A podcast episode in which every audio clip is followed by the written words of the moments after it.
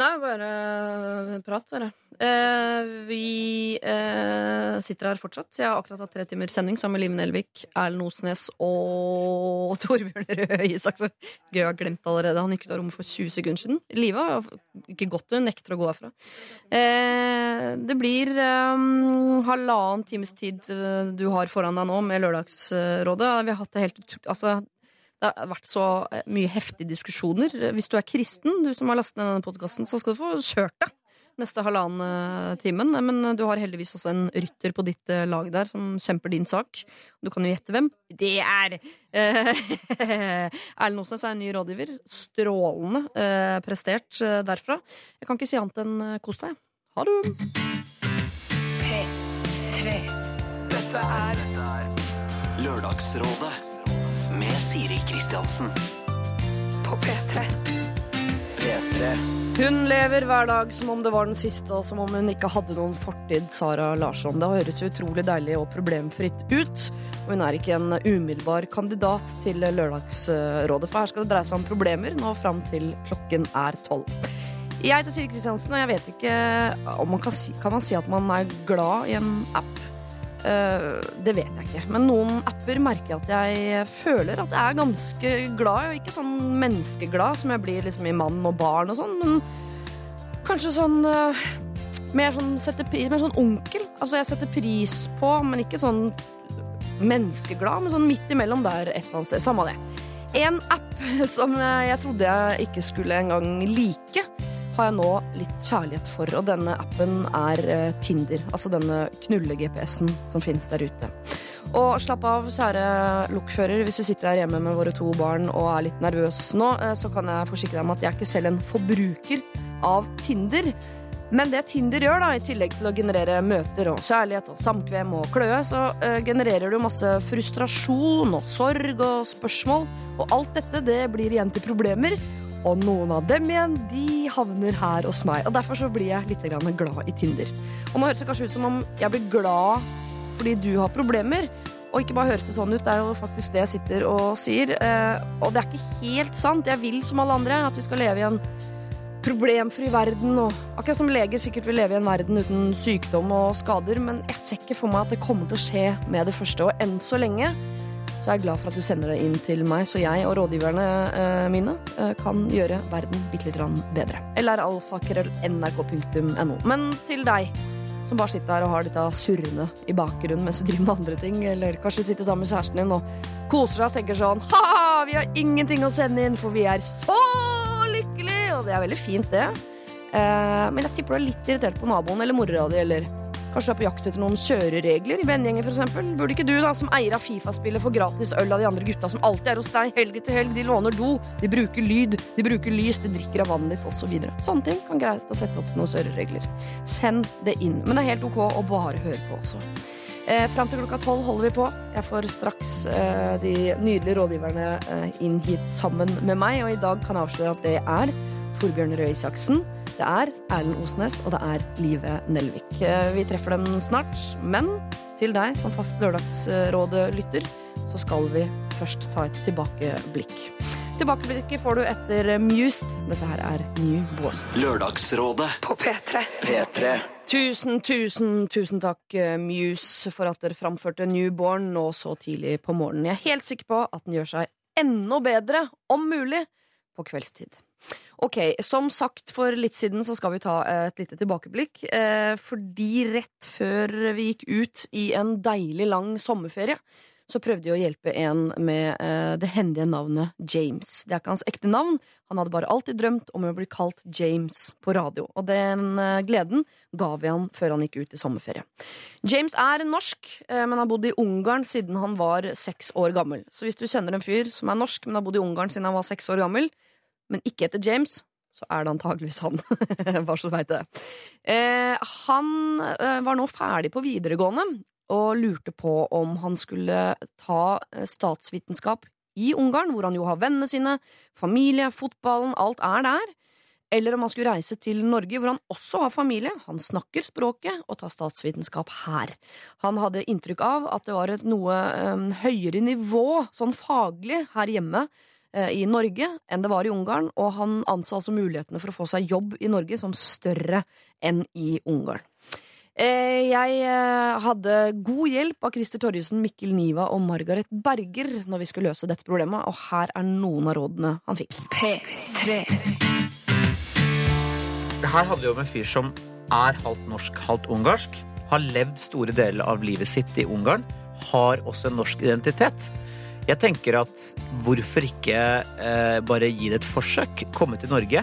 Er det dritt, så er det jo bare å flytte tilbake, tenker jeg. Verden har blitt såpass liten. Jeg syns det høres, det høres ut som en veldig godt tidspunkt å gjøre en, ja. uh, liten endring i livet. Det er selvfølgelig veldig trygt å bli nå i Ungarn og studere der og være sammen med de vennene du har og spille på det fotballaget du har. Mm. Men det, jeg kan nesten garantert Altså jeg kan love deg at du kommer til å få en eh, veldig fin opplevelse av å bare gjøre, dra til Oslo og studere litt her, være her. Få litt nye venner, få litt nye impulser. Mm. Eh, og så kan du på et seinere tidspunkt tenker jeg, avgjøre om du skal bli liksom, i Norge, eller om du skal dra tilbake til Ungarn. Dette er Lørdagsrådet På P3. P3. Det er eh, korrekt. Det er vanskelig å høre eh, noe Mikkel Niva sier uten å lure litt på om han er ironisk, fordi man alltid ser for seg det gjøgleraktige fjeset. Så tenker man sånn, er du alvorlig nå, eller eh, tuller du? Men han mente dette alvorlig, og James han har tatt det alvorlig, òg. både, både Mikkel sine råd og Margaret Berger sine og Grise Torjussen sine, for han skriver her. Jeg valgte, som Lørdagsrådet anbefalte, å satse på Universitetet i Oslo og flytte til Norge. Og jeg gjorde det. For en uke siden fikk jeg opptak til statsvitenskap ved universitetet, slik jeg ønsket, og jeg flytter til Norge 30. juli. Altså, han har flyttet hit allerede. Jeg har foreløpig ikke fått plass på hybel, men håper det går bra. og Jeg håper du allerede har fått det.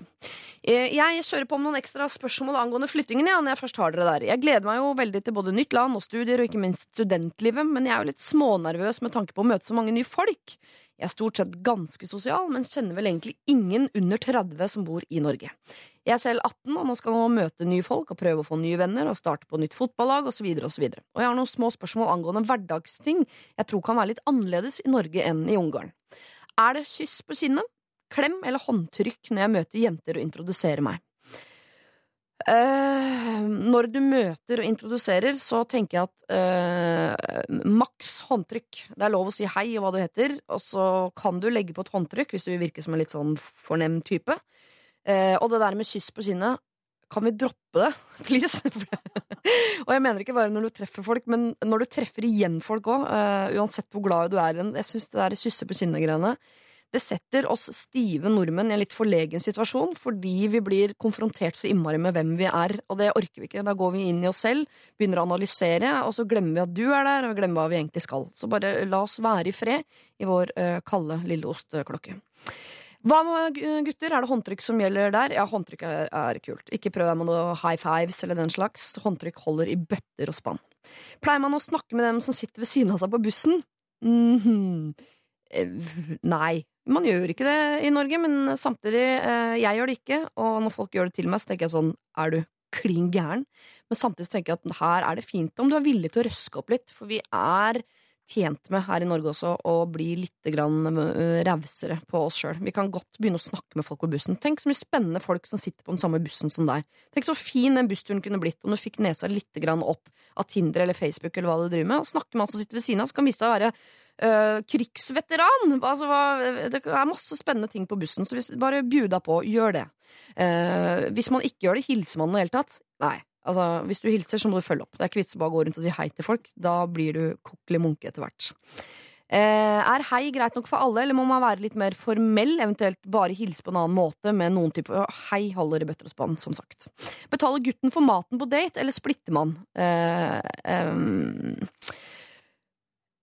det går en kampanje nå eh, som, het, som har hashtag 'hun betaler'. Der noen prøver å snu trenden og få det til å bli sånn at det er like naturlig at jenta betaler som at gutten betaler, eller man kan splitte. Alt er naturlig. Så det er veldig fint, det. Her tror jeg at uansett hva du velger å gjøre, så kan det være veldig veldig riktig, eller det kan være veldig veldig feil. Det kommer veldig an på jenta. Er hun en som satser på en eh, fremtid med likestilling, så er det topp om du ikke betaler. Er hun en som eh, lever i en romantisk fortid, eller kanskje hun bare er grisk, hva vet jeg, så er det topp om du betaler. Så alt kan være topp, og alt kan være dritt, men det er Norge i et nøtteskall. Velkommen skal du være, James. P3. Dette er NRK P3. Det er visst veldig populært med sånne navn nå. Ari var dette her med Higher. Altså Game of Thrones har gjort noe med eh, oss eh, her i verden, og hva vi velger å kalle barna våre. Det er veldig mange som visstnok gir barna sine navn etter figurer i Game of Thrones. Nå vet jeg ikke om det er noen som heter Ari, i, men det er noe lignende i hvert fall Game of Thrones. tror Jeg har kalt dattera mi for Hound. God morgen, kunnskapsminister Torbjørn Røe Isaksen. Hei. Eh, lekkert antrukket som vanlig. Takk. Slips og dressjakke og Du er sånn fin blanding alltid av uh, eh, kul og så- riktig. Det Skjønner du hva jeg er så fint å være her få? Ja. Men du er, en du er god start på på, dagen. ja, men du er den eneste på tinget som slipper unna med å gå med litt sånn uh, svensk røykejakke. Skjønner du hva jeg mener? Men er det der sivilantrekk? Altså, sånn, som Ja, går det når du slukker slakker av, liksom? Eh, Ja, delvis. Altså, jeg går ikke sånn inn Når jeg kommer inn, så tar jeg meg slipset. Slips, ja. Du er ikke over i jogging. Men, men nå er jeg liksom forberedt på resten av dagen. Jeg skal ikke hjem på mange timer. Nei. Okay. Nei. Så nå kan hva som helst skje? Begravelse, fest Gi meg en Highas Kite-konsert eller begravelse. Eller hva faen. Jeg tar det, jeg tar det. God morgen, Liven Nelvik. God morgen! Mm. Hei! Hei, er det alt vel? Eh, ja, alt er vel. Alt er vel. Ikke noe på antrekket mitt. Jeg også er klar for å møte dagen. Ja, ja. Jeg skal på Karsten og Petra-premiere. eh, hva mer? Det er egentlig planen jeg har etter dette. Ja, men det, du kommer inn der med det der. Jeg gjør det. Ja da, Plutselig, vet du hva, på vei hit så tenkte jeg sånn Shit, kommer folk til å pynte seg på Karsten ja. og Petra? noen gjør det. Ja, noen gjør det. Marion Ravn, for eksempel.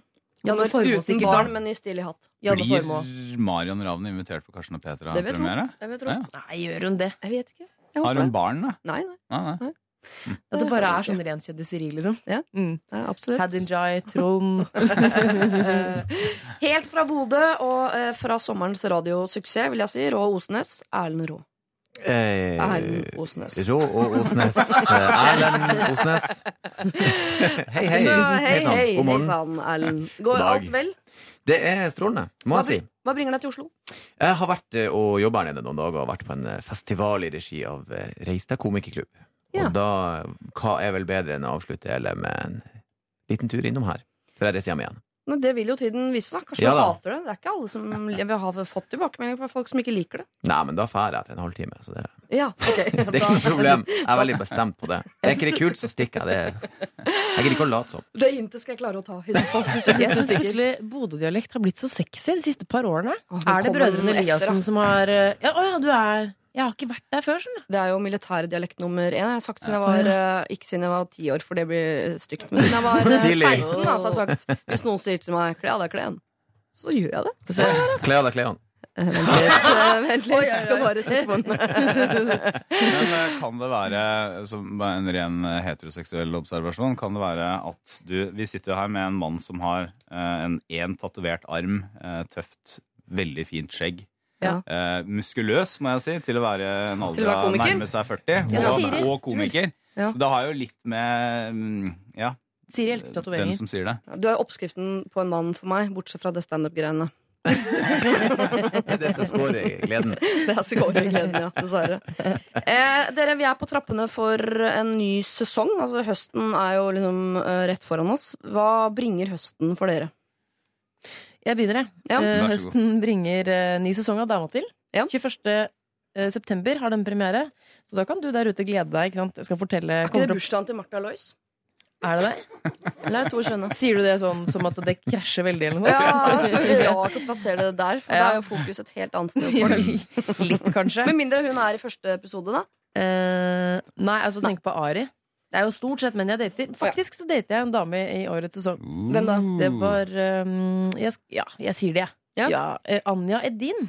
Um, håndballspilleren? håndballspilleren. Hun er jo gift med Gro Hammerseng. Ja. Men uh, hun var uh, hun var flott. Ja. Ja, ja. Er hun ikke 1,20 høy eller noe? Hæ, Ringer. er du 1,20 høy? 1,20 Ja. høy. Er hun ikke Nei, ganske lav? er, eh, hun er høyere enn meg. Ja, ja. Og det er det viktigste. Ja. Eh, når man skal, altså i et forhold, da. Ja. Det er ikke sånn at alle her må være høyere enn meg hele tiden. Men, uh, så det skjer. Og så spiller jeg inn et nytt eh, program uh, som blir kjempegøy. Men det trenger ikke å snakke om. Det er så lenge til. Kommer Ja. i mars, liksom. ja. Det er lenge til, ass. Ja, det, Er det ikke så stor tvil om hva din høst bringer, uh, Torbjørn? Eh, Pappaperm. Å, du skulle til Ja. pappaperm, du. Nei, men Fikk ikke du først barn for dødslenge siden? Et år. eh, Ja. Litt over. Men først eh, lokalvalg, pappaperm, budsjett. Og så skal jeg til Sør-Korea. I pappapermen? Nei. Ta med barna til Sør-Korea. Og så skal jeg til Sør-Korea, og så er det jul. Det er det som er eh, planene for høsten. Men du, jeg lurte litt på eh, kommunevalget. Hva har det å si? For, ikke vær sånn kollegial partifyr nå. det Deg å si? som menneske, hva har det å si Og ja, for for, deg, for egentlig? meg Ja. som, eh, som person hva har det å Eh, si for jobben din de neste to årene, liksom? Nei, men Kanskje ikke lite grann for jobben, men det, har jo å si, altså det er jo kommunen som bestemmer over skole og barnehage og eldreomsorg og eiendomsskatt og alt det. Ja, jeg skjønner at det har noe å si for Nei, oss, for men det har det noe å si for deg. Ja, for meg som statsråd Ja. Nei, det har ikke så mye altså, Mitt liv som statsråd går videre uavhengig av det. Ja. Men det er, litt, det er litt mer sånn Det blir litt bedre stemning hvis vi gjør et godt kommunevalg. Selvfølgelig. Ja. Ja, ja. Det blir sånn hyggeligere i Ja. regjering. Men igjen, du skal jo til pappaperm. Ja, ja. Altså, jeg bryr meg ikke, selvfølgelig. Men, uh, til eh, Hvem er det som skal Hvem vikarierer for deg? Eh, Det er eh, fiskeriministeren, faktisk. Det er ikke, det er Alle vet hvem det er, ikke sant? Ja, ja. ja, tre, vi Elisabeth- det. Eh, Sier det du, Torbjørn. Tine Sundtoft! Ja. Nei, Elisabeth Aspaker heter hun. det var det jeg Da er det plutselig, Jeg merket, jeg har vært i pappaperm før, og plutselig så var det sånn, hadde de brukt to millioner på skolebudsjettet og kjøpe laks til masse skoler og sånn. Det var helt, eh, tok helt av. Ja. Men skal hun ta seg av fisk og skole, da? Ja, ja, fisk og skole. Skole. Fiskeriskolene får veldig gode kår. Men det er jo blir sånn vi har det i uteggen. P3. Ja. For eksempel hvis du skulle forsvunnet uh, ut noen uker, så Mm. ville for eksempel kanskje Ronny tatt P3 Morgen og Lørdagsrådet. Det går jo han helt hadde greit. gjort det òg, antagelig. Sikkert. Sju timer radio til! Selvfølgelig. Skal null problem. Eh, Men du da, Erlend? Ja, nei, jeg har en veldig spennende søster premiere på et uh, soloshow nå i september. I Bodø? Eh, ja, starta ut i Bodø. Altså, Eller jeg starta ut med førpremiere i Lofoten, faktisk. En eh, plass til Leknes. Ja. Som har det mest fantastiske publikum i hele Norge. Ja. Mye fordi at de vet hvem jeg er, så det er veldig mye enklere å, å sette opp der. Ja. Og så er det i Bodø, og så skal jeg til Tromsø, så skal jeg til Alta, og så skal jeg muligens ned hit med det. Ja. Så det er spennende. Og så er det veldig mye annet som skjer eh, som er moro. Altså livet smiler. Livet smiler for tiden. ja, hver Ja. dag. Hver dag. Men kan ikke du da følge opp med din sivile status, for det spør vi alltid om her i Lørdagsrådet? Ja, jeg er svært lykkelig gift Ja. med ei flott kone. Jeg har eh, tre barn. Og, What?! eh, Hvor gammel er du? Det var det jeg sa i sted! Så jeg fikk vite det. Jeg er 37 år gammel. Jeg og Torbjørn er akkurat eh, like gammel. Ikke akkurat, da, men vi er 78-modeller begge to. da Ja, er det Så det har vi allerede snakka litt om før Ja. programmet. Jo, jo, men det, det, vi, har, vi har ikke hørt det. Så vi er fornøyd med det. Vi er fornøyd med det. Eh, Ja. Tre flotte barn, to gutter og ei jente. Ja. Eh, ellers så er det bare Det er bare Fryd og våmen. Fryd og gammen. For en satt gjeng vi er. Torbjørn, du er gift og Gi- Gift, eh, varierende grad av lykke Ja. knyttet til det. Stort sett bra. eh, og én datter. Og en datter. Ah, er det datter og kone nå? De har du plassert i Telemark, innerst inn i Nei, Telemark? de, ikke sant? ja, nei de, eh, de er i Oslo nå. Å, ja. De er litt, vi er litt fram og tilbake Oslo og Porsgrunn. ja, for du har fått sånn leilighet av Erna? Jeg har en jeg, Vet du hva, jeg bor i en oppgang Ja. eh, hvor det bare bor eh, statsråder. Eh, og i oppgangen ved siden av bare statsråder. Så jeg, når jeg kommer, går ut i pysjen Jeg har kjøpt meg pysj. Går eh, ut i pysjen, henter aviser, så Ja. møter jeg Anders Anundsen, for eksempel. Går og plystrer på Med kamerateam Med på slep. Med kamerateam på slep. I sin pysj. Eller går i sin pysj. Ja, men i helgene så er dere da på sånn uh, småbruk Spiser vi i Porsgrunn? sp- Ja, da er vi hjemme i Porsgrunn. Ja. Ofte, i hvert fall. Ja. Bortsett fra nå, da, for nå er, det, nå er jeg her. I morgen skal jeg til Tromsø. Ja. Går bare i Hedmark, Sånn Shit. er lokalvalget. Herregud, så slitsomt. Men satt, lykkelig gift. Ja. Live Nelvik, da? Nei, jeg er jo gift, da. Ja. Ehm, det, det er dødskoselig, det, altså. Men jeg er jo Ja. enig, ikke sant? det går jo opp på det men det er stort sett fint her òg. Ja. datter på tre. Men jeg har bare tenkt sånn, i forhold til min rådgivningsposisjon, Ja. så må jeg jo si at jeg har vært singel store deler av livet. Ja. Eh, Jeg landa den skikkelig på slutten, liksom, med ekteskap og alt det der. Men før det, da, da rota jeg mye rundt. Ja. Så jeg har mye Altså ikke Men Men, men, bortsett, men bortsett fra Yes. sånn indiske barnebruder, så har vel de fleste vært single store deler av livet. Hæ, nei, jeg, å nei, er- det er jeg ikke enig i. Jeg har venninner som har gått fra- hoppa fra forhold til forhold. Ja, Ikke fra klart sånn å være alene. 15-årsalderen og Ja, 17 kanskje. Å ja. Mm. Oi. Man må være litt alene her i livet. Det Man må føler være jeg. Ja, det er viktig å ha Eh, en og periode. Det har jeg vært. Ja. Veldig mye. Ja. men det, så jeg har, eh, har masse, sitter inne med masse kunnskap, altså. Så bra. Eh, det vil si at vi egentlig er fire stykker eh, godt oppi åra. Eh, satt med hus og unger og alt er på plass, liksom. Eh, men alle har vi vært eh, single. Alle har vi naboer. Alle har vi venner, eller har i hvert fall hatt. Og i det hele tatt. Så vi har peiling på ganske mye. Så send inn problemene dine fram mot klokka tolv. Eh, adressen vil du kanskje ha. LRalfakrøll.nrk.no. Nå skal du få Justin Timberlake. Dette her er Crimey Cry Me a River. Og så høres vi på andre sida.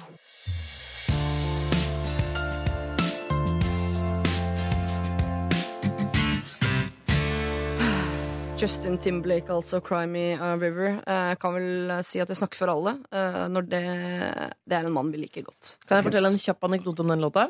Ja. Det er veldig rask, altså. Ja, ja. Eh, Jeg skulle kjøre opp og ned til hytta. Vi har hytte i Hemsedal på dagen. Eh, Dette Er ikke fire timer hver vei? Jo, det er ganske langt. Ja. Og da uh, hadde jeg Cry Me River på singel. Uh, og den puttet jeg inn, inn, i, inn i bilen. Jeg kjørte mamma sin bil. Mm. Så fikk jeg den ikke ut igjen. Det var på en måte det eneste bilen ville spille. Så jeg hørte på Cry Me River i tre og en halv time opp og tre og en halv time ned. Så den sangen kan jeg ganske godt. Den kan den ganske godt, ja. Utrolig. Det er en sånn, Jeg lurer på hva eh, de unge som hører eh, på dette, tenker nå. Sånn, En singel? En Er er det? Altså, en Hilser du noen gang på John Lennon? med én sang. CD-plate med én sang. Med en sang. Var det ikke tre-fire versjoner, eller var det Jo. bare én? Og den en Eh, disko? ja, kanskje det var to versjoner. Ja. Ikke noe disko, men Det var ja. litt variasjon, men fremdeles ganske lite. noe, Men kan du da av det samme. si hva den låta egentlig handler om? Jeg rekker opp Det er jo eh, altså han Kunnskapsministeren Ja, er ja, men nå var det meg først, da. Ja. Selv om eh, ministeren rekker opp hånda. Du, det der er eh, til Britney eh, handler om bruddet med Britney. Ja! Det er det, er det ja. ja. Hun dreit seg det. ut. Ja, hun gjorde det. Og så er han sånn Tårene dine betyr ikke noe. Gråt meg i elv. Hvem bryr seg? Jeg er Og videre. var hun utro med han fra eh, True Detective? Hva, Eller han, sånn? vi, nei, nå ble det veldig Har forvirrende. Britney vært utro med True Detective? Nå må ikke vi sette et rykte som vi Sorry, Britney. Sorry, sorry, sorry. sorry, sorry. Ok, dere. Eh, både Live Nelvik, Torbjørn Røe Isaksen og eh, Erlend Osnes har fortalt oss at dere er lykkelig gift, hele gjengen. Eh, så mitt spørsmål nå er egentlig et kontrollspørsmål. Er dere på Tinder? Ja, nei. Kjempebra svart. Ja, men dere vet hva det er. Det var en som ikke svarte. men Jeg, bare, Jeg vet hva det er. Du vet, Nå fikk du et veldig rart uh, Nei da, ansiktsuttrykk. jeg, jeg er ikke på Tinder. Jeg fikk eh, en kollega av meg til å vise meg hva det er for noe. Ja. Mm. Jeg syns det er den mest kyniske, forferdelige dritten. Vi bare sveiper unna mennesker. Eh, Ja. Jeg likte det ikke. Du likte det ikke? Nei. Ja, det er iskaldt. Vi Ja, det er, det er jo skal, veldig iskaldt. Vi skal gi råd til en som heter Selma, som er forbruker av appen Tinder. Hun skriver til oss. Hei, dere. En av mine beste venninner har, i likhet med meg selv, vært en del på Tinder. For en stund siden begynte hun å snakke med en fyr hun raskt ble veldig opptatt av. Han spiller et band som vi begge hører på, og er visstnok veldig grei. Hun har selvsagt fortalt meg masse om han, så jeg vet godt hvem han er, og de har møttes én gang, men hun vet ikke om han er så interessert i henne. For noen dager siden matchet jeg med en fyr fra samme band. Jeg syntes det var veldig gøy, jeg har fortalt det til venninnen min med en gang. Men da hun forsto at han ville møte meg, så ble hun sint. Hun mener at det er ødeleggende hvis jeg møter kompisen fra bandet, og sa at hvis eh, hun ikke fikk et bandmedlem, så skulle i hvert fall ikke jeg få det. Til slutt sa hun at, hun eh, at jeg kunne treffe han, men da ville ikke hun treffe sin fyr mer. Jeg la meg fort flat og sa at jeg skulle slette matchen. Problemet er at jeg har jo veldig lyst til å møte han. Vi har snakket mer sammen, og han har spurt meg flere ganger, men jeg har måttet avvise han for å holde det jeg har lovet. Men kan jeg møte han, eller? Eller er jeg en dårlig venninne, da? Er jeg den eneste som ikke forstår problemet med å møte kompisen til den store crushen hennes? Jeg vil gjerne treffe han. Hvis jeg møter han, hva skal jeg si til venninnen min? Hjelp! Selma 19. Jeg tror det er nok Brøndbo-brødre til alle. Ja. Du så for deg det det er, ja? Eh, det er eh, lett å henge seg opp i hvilket band er det, hvilket band er det, hvem er de, hvem er de? Jeg aner ikke. Jeg aner ikke. Men det er et norsk band, da. Jeg trodde Mm. først at hun, at, det, øh, at hun skulle si at så fikk hun også match med samme fyren. Ja. Um, og det hadde jo ikke vært så bra. Men dette er jo kompisen. Ja. Uh, ikke, eh, dette er jo to forskjellige mennesker. Uh, jeg, skjønner, mm, jeg skjønner ikke helt hvorfor venninnen din skal bli så sur for dette. Med andre ord så er ikke Selma den eneste som ikke forstår problemet, da. Nei, Nei. Selma, det er du ikke. Og Selma, altså det er en veldig rar situasjon, for jeg vet eh, som gift mann at det jeg håper på, er at en kompis av meg skal få ei kjerring som liker min kjerring, sånn at jeg kan være sammen med kompisen min. Ja. Og de det er jo en drømmesituasjon! Ja. For da er de venninner, mm. og de to er kompiser. Kan de henge masse i lag, og så når de møtes, så får du dobbel tid. sant? Du får henge sammen med kjerringa di, og du får henge sammen med kompisen. Så Ja. dette er jo en drømmesituasjon. Og Selma må jo selge det inn som tidenes eh, Det er jo det det er. Ja. Får jo alle være i lag. Men er det ikke det hun er redd for, er vel eh, Altså venninna til Ja. Selma, da. Det hun er redd for, um, det er jo sikkert at hvis det går dårlig med venninna eh, altså Hvis det går dårlig med Selma og den andre band, eh, band, band, bandkameraten, bandkameraten, så vil det også påvirke hennes forhold. Så jeg synes ikke det er altså pluss at, Er det ikke lett å tenke at det, da kan det plutselig virke litt sånn groupie-aktig, nesten? Hvis to venninner plutselig begynner å date to stykker i samme band? Det er jo litt groupie-ekte, men Hei, det gjør jo masse eller? ekte kjærlighet til groupie. I så fall er det jo Tinder som er gruppe igjen her. For Ja. det, det er jo Tinder som har brakt disse menneskene. Teknologi har visst at sammen. disse kan være i lag. Skuespilleren Liv Tyler hun er jo et groupie-barn, men hun er jo Ja, ja. Lykkelig hun. fint, menneske. bra med Ja. Men, men, jeg, tror, jeg, har sett at, eh, jeg har sett det annerledes enn deg, da, Torbjørn. Jeg har tenkt at venninnen sin frykt er Hun har sett fra sånn Å, jeg møtte en jævlig kul fyr. Han spiller eh, bass i et fett band, og det skal bli oss to, og jeg blir med rundt og får meg en kompisgjeng i et band, og det skal bli så fett. Treffer han fyren. Han er ikke så interessert, så det, hun er ikke helt sikker på om det blir de to. Så Mm. kommer venninnen ut på, mm. på ta innersving. Og sånn, å, det ble ikke deg og trommisen. Ho, Kanskje jeg Selma er stikker litt av med penere, vokalisten, og da Ja. stikker hun ikke av med hennes type, men hun stikker av med hennes fremtid. Det var jeg som skulle ha kjæreste i det bandet. Jeg- Dra på de at turneene. hun er er litt smålig sjalu, rett og slett. Ja, hun er lei seg det fordi at noen har tatt framtiden hennes. Jeg tror Siri har rett. Og så tror jeg også sånn. ja, ikke sant? Hun er redd for at det skal skjære Hørt det før? Ja, ja, ja. Folk sier det. Nei, jeg tror at venninnen til Selma er redd for at det ikke skal ordne seg for henne, og så, skal plutselig, så går det kjempebra med Selma og han andre fyren i bandet. Ja, altså Kan ikke hun være med, da? Fordi Nei. at eh, da er det allerede skåret seg da finnes det jo nye band, da. Men er ikke det veldig forståelig da at venninna til Selma er litt bekymra for det? Er ikke det Jo, en veldig jo, jo, forståelig jo. bekymring som Selma kanskje burde forholde seg til? Ja, for Dere kan Det er jo kjenne dere inn i tross alt- følelsen som er sånn eh, Det er vanskeligere å unne folk noe som man selv vil ha. Selv om Ja, man ja. burde gjøre det også, men det er Mm. vanskeligere.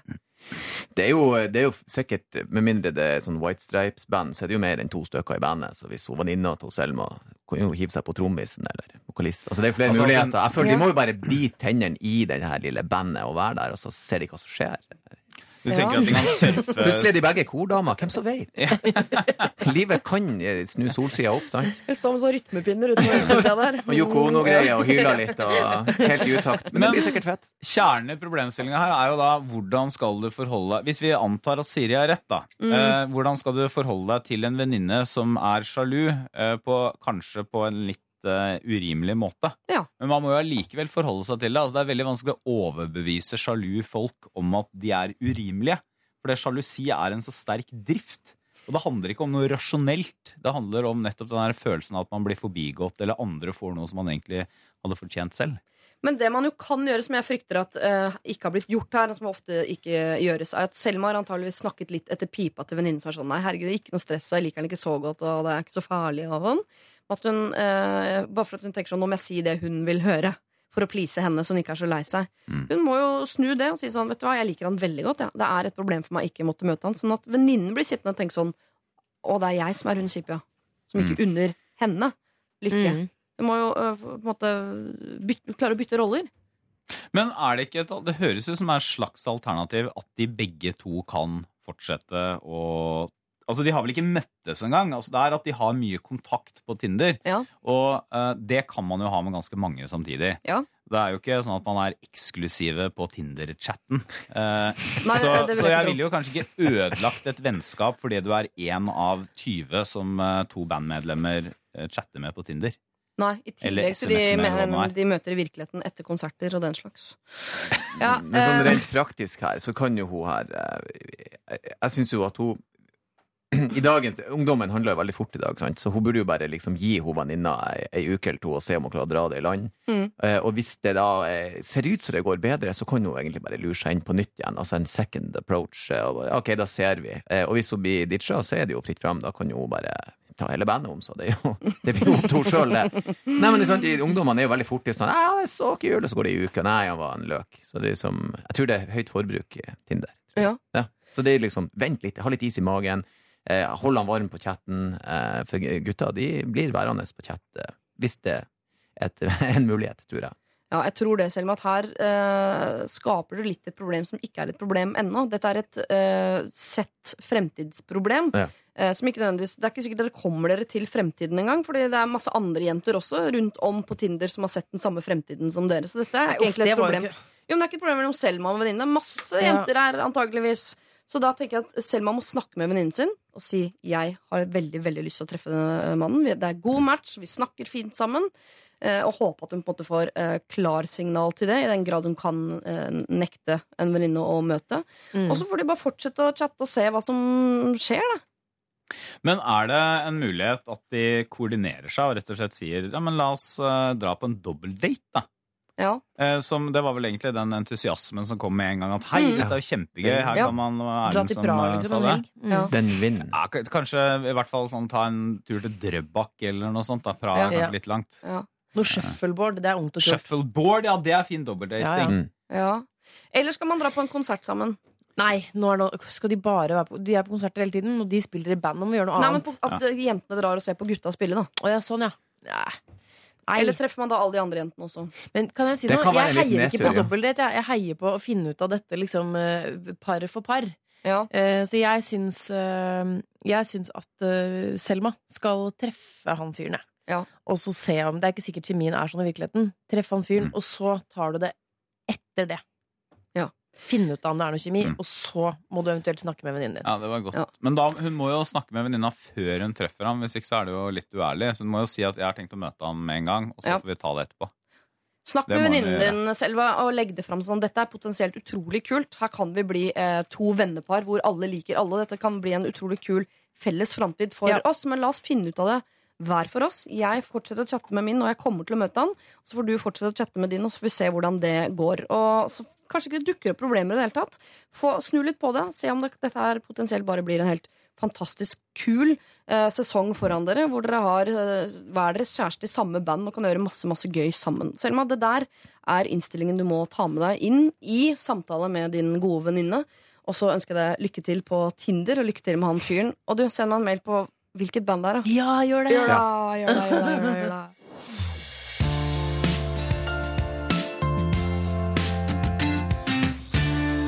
Tre timer på å forsvinne på en bysykkel. Det er, jeg henger meg veldig opp i akkurat den setningen der hver gang jeg hører Cezinando og hans eh, Europa. Utrolig kul låt. Jeg føler meg nesten litt for gammel til å digge den, men jeg gjør det. Hæ?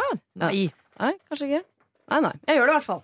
Dere, eh, vi skal ta et nytt problem her i Lørdagsrådet. Eh, rådgiver i dag er eh, kunnskapsminister eh, Torbjørn Røe Isaksen. Hallo. Radiomann og komiker eh, Erlend Osnes. Og programleder Live Nelvik. Nå så jeg at du var nervøs før jeg skulle si hva du var. Jeg sånn, jeg lurer på hva hun sier. Dama til aktuelle. Programleder. Kunne sagt. Kunne Eller bare sagt. pen. Det er det beste jeg vet når folk sier. Ja, neste gang skal jeg si det. Eh, dere, med pen. Aktuell med pen. Ja. Evig aktuell Ja. med pen. Enn så lenge, da. Enn så lenge. I likhet med mange nordmenn mottok jeg feilaktig et valgkort til kirkevalget som arrangeres samtidig med høstens kommune- og fylkestingsvalg. I utgangspunktet gjør dette meg provosert, ettersom jeg aldri har hatt noen form for tilknytning til Den norske kirke. Jeg hadde navnfest istedenfor dåp, borgerlig konfirmasjon istedenfor kristen konfirmasjon, og har aldri hatt noe behov for å tilhøre et trossamfunn. Det at jeg har et eh, norskklingende navn, burde ikke kvalifisere meg til å bli innlemmet i Den norske kirke. I utgangspunktet var min første tanke å sende en irritert mail til kirken og be de rette sin feil. Men på Facebook så, så jeg en kommentar som ga meg en idé. Hva med å stemme i dette kirkevalget for homofilt ekteskap i kirken, for så å melde seg ut umiddelbart etterpå? Selv om jeg ikke er kristen, er jeg veldig opptatt av at mennesker skal ha like muligheter, og at man i Norge i dag skal få slippe å bli diskriminert pga. legning. Jeg vet at det finnes en liste i kirkevalget som heter Åpen folkekirke, som støtter nettopp dette synet. Skal jeg utnytte kirkens systemfeil for å påvirke eh, verdiretningen i et trossamfunn jeg ikke tilhører selv? Jeg vil gjerne høre hva dere tenker om dette. Hilsen Ivan Infall... Infil... Trør. Tør. skjønner. Dere Ivan. skjønner hvor jeg- bare Ivan. Ja, Ivan. Jeg likte formuleringen 'selv om jeg ikke er kristen, er jeg veldig opptatt av at homofile ikke skal bli diskriminert'. Ja. Den er fin. Ja. Ja. Du, må, du må ikke være kristen for å være opptatt av det. Hvis du er kristen, så få de ut. Nei, men det var jo omvendt. Altså, det impliserer jo at alle de kristne er veldig opptatt av at homofile ikke skal bli diskriminert. Gjør det ikke det? Men Ja, uansett, la oss ikke dele dvele ved det. Ikke alle. Ikke send irritert mail til kirken. De får så mye eh, irriterte mailer at jeg tror ikke de kommer seg gjennom alle, og Nei. dermed ikke vil nå ned til din. Heldigvis har de Gud til å trøste, da. Det er sant. Så ikke send Eh, irritert mail. Gå rett til toppen. Mm. Fold henda. Eh, si klart fra til Gud om at 'jeg ønsker ikke flere valgkort'. Ja, den likte jeg. Og se om det ble blir hørt. ja. Men, ja, Men hører Gud om det virker. Er det det du mener? Hva sa du? Altså for å se om det virker? Nei, altså du må jo gå til toppen. Du kan jo ikke sende til liksom, fotfolket. Det er som å gå til mellomlederen. Du må gjøre som folk Mange sure folk i Norge for eksempel, sender mail direkte til statsministeren eller til kongen. Ja. Ja. Gjør du det? Eh, ja, ja, ja, og her må du gå rett til toppen. Og så Kongen, er kongen, kongen at gmail. Eller hva, hva er mailadressen? Han har faktisk sånn eh, hotstud 51, eller noe sånt. Har Eller kanskje 41. Jeg Ja. Men uh, Gud hører jo ikke på oss som ikke er kristne.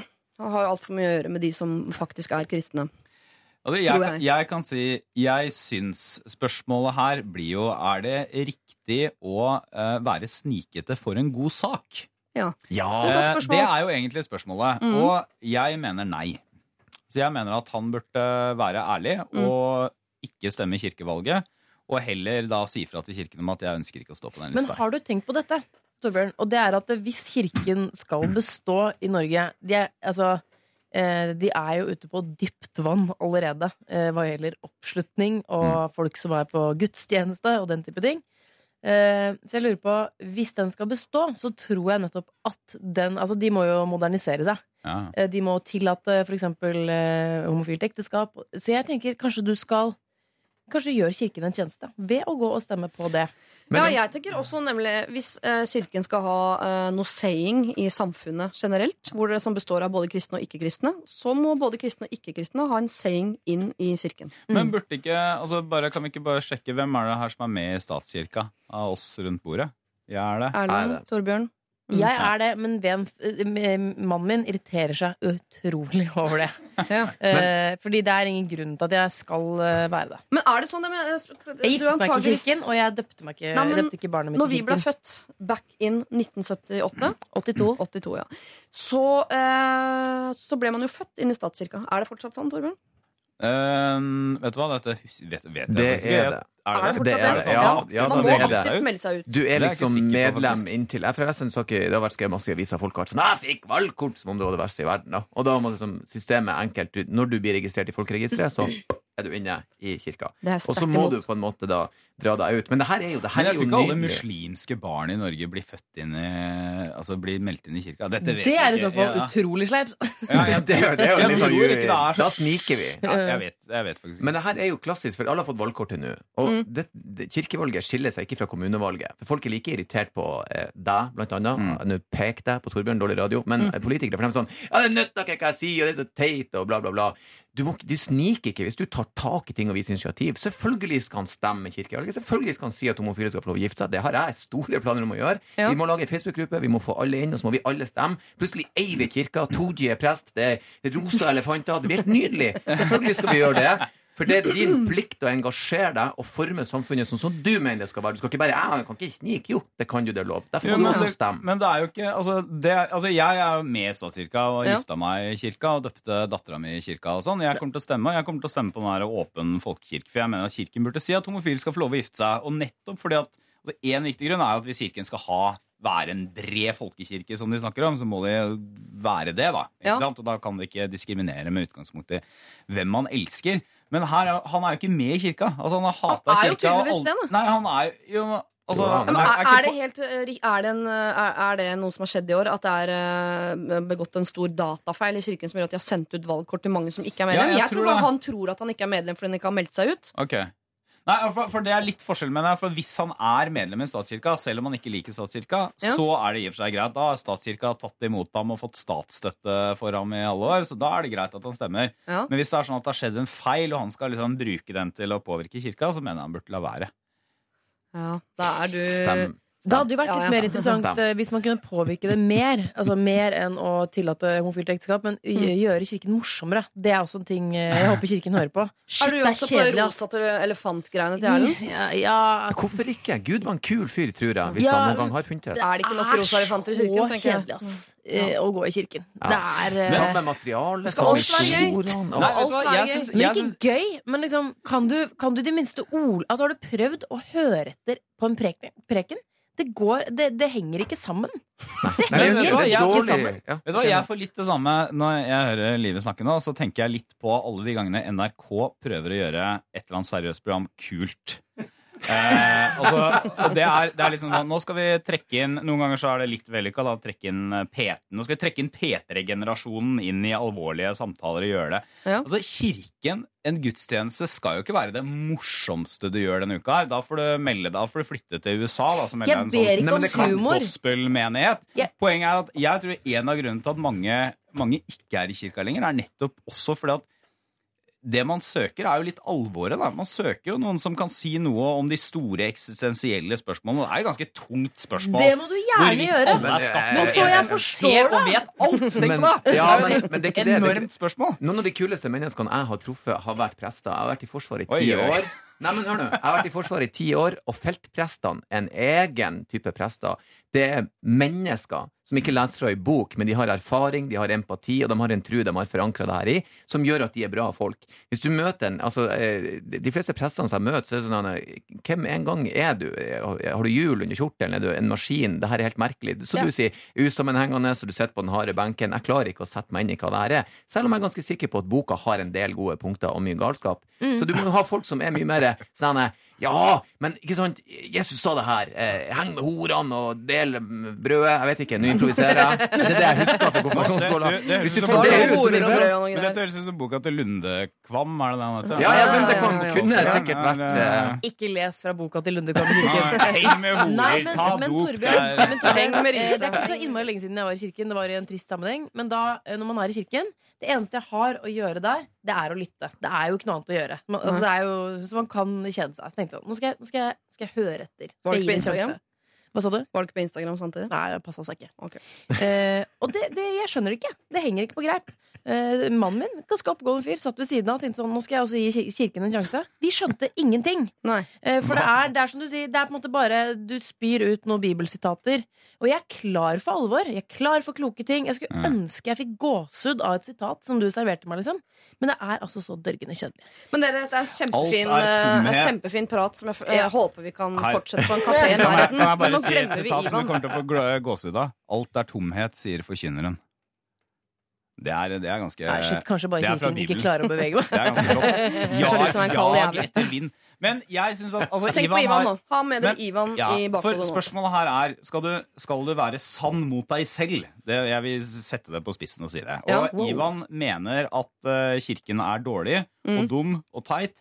Og da mener jeg det er det mest er, er ærlige Mm. er det ordet jeg ville ha.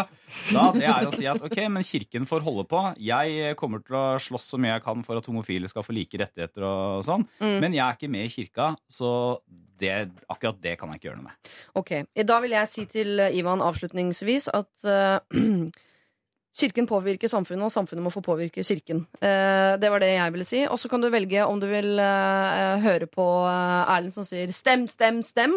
Og selv om ikke du sa akkurat det, Livet, så føler jeg at det er det du mener Ja, ja, litt. Stem, stem, Jeg stem. syns jeg skulle gå og stemme. Det er Ja. en så fin sak. Jeg også Påvirker mener at du skal retning. Stemme, stemme, stemme. Eller så kan du selvfølgelig høre på Torebjørn, som også sier mange kloke ting, men jeg må bare, han er jo en representant for kirken her.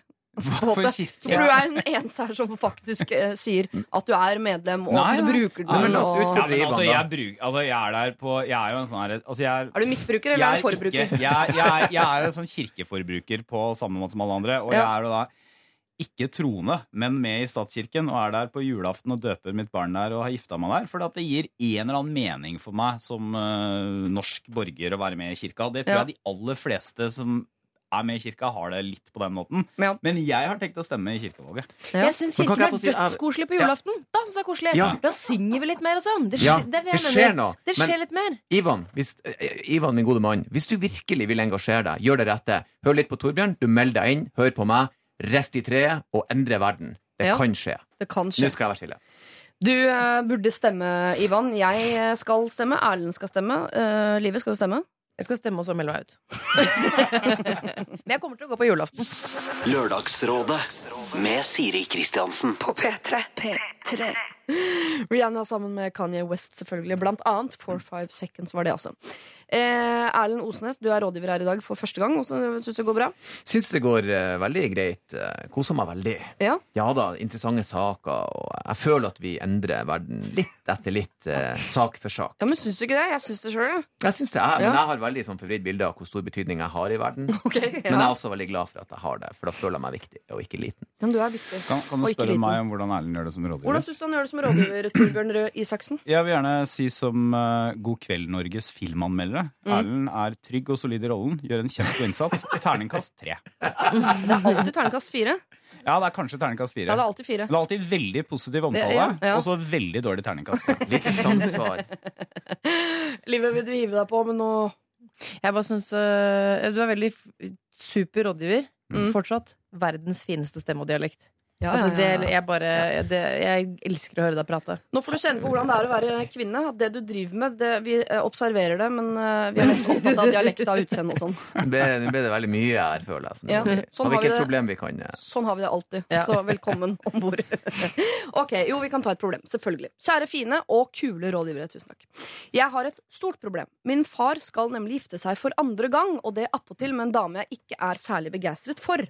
Skilsmissen mellom min mor og far var vanskelig, og pappa fant seg raskt en ny dame. Jeg har heller ikke et spesielt godt forhold til min far, og har ikke satt av mye tid eh, Han har ikke satt av mye tid til verken meg eller mine søsken i barndommen.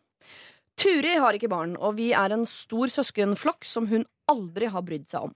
Turi og pappa har vært sammen lenge, og tilsynelatende ut av det blå så skal de plutselig gifte seg. Hadde Turi vært kul og hyggelig, så hadde jeg ikke hatt så mye imot dette bryllupet, men tanken på at pappa, som en gang ga sitt ekteskapsløfte til min mamma, at han nå skal gifte seg med Turi, det er nesten uutholdelig for meg. Nå på tampen av sommeren har pappa formanet meg, ikke spurt, men formanet meg om å hjelpe til i bryllupet med diverse forfallende arbeid. Jeg har virkelig ikke lyst til å støtte dette bryllupet mer enn jeg absolutt må, altså å møte opp, da. Smile og være høflig. Så kommer det store dilemmaet. Er det innafor å si at jeg ikke vil hjelpe til? Må jeg finne opp en unnskyldning, eller skal jeg fake noe? Eller skal jeg rett og slett bite tenna sammen og nok en gang være den stille, snille og pliktoppfyllende datteren? Takk for meg. Hilsen Kirsten, giftekniv. Dette her er så skremmende eh, Eller jeg har opplevd mye av det samme. Oh, ja.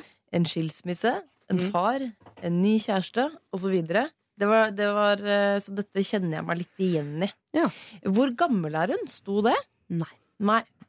Det har jo litt, det har litt å si. Ja. Eh, nei, bare fordi eh, hun burde jo Hun må egentlig ta og stå litt opp for seg selv. Det er Mm. egentlig det hun må. Det er lettere jo eldre man er. Ja. Hvis man er 16 år og sier sånn Nei, pappa, det er ikke så Det, det har man liksom ikke baller til, egentlig. Nei. Um, Ja, for da man tar- pubertal og eh, trassig og ja, eh, så, så er man ikke myndig engang, liksom. Så man må jo bare adlyde, da. Hvorfor må hun stå opp for seg selv? Nei, for jeg tenker, Hun går jo på akkord med seg selv. Eh, faren sier sånn Du, dette skal du gjøre. Hun har ikke noe lyst i det hele tatt. Det er hennes følelser. Eh, denne nye kjæresten, eh, som hun ikke syns er noe kul, det, eh, hun blir på en måte litt tråkka på. da Han skal gifte seg med henne, og hun blir bare piska rundt. Ja, Eh, ser du ikke men, men eh, faren sa faren, Faren hennes formana henne. Eh, Ja. Så han sa ikke 'du skal'. Og det, det første som slår meg jeg kjenner meg også veldig igjen. Jeg ble veldig glad inni meg, for faren min var gift tre ganger. Jeg vet ikke om det blir en fjerde. Jeg tror jo det blir det. og det er litt sånn ting du kanskje innser når du blir litt eldre, er det at det er faren din, han er bare et menneske, og han kan ikke være den du vil han skal være. Du må akseptere han som han er hvis du vil ha han i livet ditt, eller så må du slippe han. Eh, han kan ikke være det du vil han skal være. Han kommer til å gjøre ting som kanskje du ikke er enig i. Eh, og, Men det og Turid slippe- kommer aldri til å bli mora di heller. Eh, og sånn er det bare. Men det er lettere å slippe faren sin nettopp eh, For dette er jeg helt enig i. Mm. Det er lettere å slippe faren sin i en alder av 27 enn for eksempel eh, 19, da. Men, men hvorfor ja, skal man Mm. Jeg, eh, for jeg, jeg må si, jeg syns du sa noe veldig klokt nå, Erlend. Jeg, jeg skjønner ikke Nå har ikke jeg vært gjennom dette selv, da. Nei. Men det, en av de tingene man forstår etter hvert som man blir litt eldre, det er jo nettopp det at foreldre er også mennesker. Ja. Eh, og de, når de blir forelska, eller når de har lyst til å gifte seg, så er det på nesten samme måte som når du eh, blir det selv. Man burde slippe Så- å se det som barn, egentlig. Jo, men, jeg, jo, men det er jeg litt enig. Hvis hun er, hvis hun er 14 år, så, Mm. så kan det selvfølgelig være vanskelig. Men allikevel må jeg anta at hun er litt oppi åra, da. Altså i hvert fall 18, 19, 20, 21 eh, som en sånn minimum. Mm. Og burde ikke hun, altså selv om Altså Egentlig bunner jo ikke dette i at hun har avsky mot praktisk arbeid i forbindelse med et bryllup. Det bunner Nei. i at hun ikke vil at faren skal gifte seg med Turid. Men hvem er hun oppi dette her? Hvem er hun til å ha vetorett over hvem faren skal gifte seg med? Nei, hvem er hun til å stå i veien for hans lykke? Jo, men burde ikke hun Så valget hun har, er jo enten så kan hun eh, gjøre sitt beste for at dette skal bli en glad dag for faren, Mm. og at hun ikke skal få et enda mer anstrengt forhold til ham. Eller så kan du Nei, gjøre som dette Live er- sier, og Jeg Ja, er enig i det det, helt bortsett enig. fra det er én ting i mailen som gjør at jeg ikke klarer å være 100% enig. Bare eh, rundt ca. 78-80% enig. Fordi eh, jeg er helt enig i at eh, pappaen din han må få bli forelsket i den han blir forelsket i. Ikke på Enig. vegne av deg. Enig? Eh, Turi må få lov til å, øh, å være så opptatt som hun er av dere barna. Det, kanskje hun er et dårlig menneske. Ja vel, pappa er forelsket i henne. De skal gifte seg. Det må man godta. Mhm. Eh, men så sier hun det at han har aldri vært til stede for henne eller søsknene hennes i oppveksten. Men nå som han skal gjøre noe gøy, så skal de være til stede for han. Hadde min far aldri skifta bleie på meg, så skal ikke jeg vaske opp hans tallerkener i hans bryllup nummer to. Det mener jeg. Nei, okay, du får, du godt, får, kan, kan ikke bare sitte og få. Her må man gi. jeg er enig, det er et godt Helt poeng, enig. faktisk. Men det er jo, da er det jo liksom ok, da, da er vi tilbake igjen til at du må akseptere at han kan ikke være den du vil han skal være. Og da må du enten slippe han, eller du må være en del av livet hans. Og eh, for min egen del så kutta jeg min far, fordi at jeg tenkte oh, det her er for horribelt og tullete. Det vil ikke jeg være med på. Og det er kjipt, men det er også noe som vil gi deg ro når du da innser at ok, jeg har ikke lenger det problemet. Og de fleste fedre, i hvert fall de i min generasjon, er jo elendige mennesker som bare pakka lekene og stakk og begynte på nytt igjen. Mm. Sånn at det er, noe, det er ikke gitt at de fortjener å få være med på når barna deres blir voksen og kan være ressurspersoner og får barn igjen og få gleden av å være alt mulig fra besteforeldre til gode venner med ungene sine. Hvis ikke du legger inn arbeidet, så må du være innforstått med at du ikke får belønninga. Ja, for Når vi nå ber eh, Kirsten Giftekniv om å forstå at pappa er et menneske, så må også pappa forstå at Kirsten er et menneske, og hun Mm, må få lov til å velge om hun vil ha han i sitt liv. Akkurat som han har Ja. valgt i hvilken grad han vil ha henne i sitt. Ja. Men også bare for å ta dette bryllupet, så syns jeg jo hun, hun er jo ikke noe Hun er jo raus som bare det. For hun, hun har tenkt å gå i det bryllupet. Hun syns ikke dette er noe topp, liksom. Men hun aksepterer jo nettopp at dette skal skje. Ja, hun skal smile og være Eh, høflig. Det syns jeg var dødsimponerende. Mm. Eh, jeg er mye kjipere sånn. Eh, men Du eh, går dit, men du sitter der pottesur og sier ingenting. ja, bare Plutselig kanskje drikker meg full og sier kjole. sånn Dårlig tale! Bu! Nei, så hun skal gå dit og være Ta på en fin kjole og smile og være høflig. Eh, Men det hun ber om, er Kan jeg være snill få slippe å Så kan liksom prakke på henne oppgaver. Hvem vet, liksom? Kanskje han har bedt henne om å bære ringene. Det Ja. er ikke noe hyggelig. Han tar ikke hensyn til henne. Men, men er det, kan det være, hvis man vrir litt på det, kan dette være Kirstens mulighet til selv å bli voksen?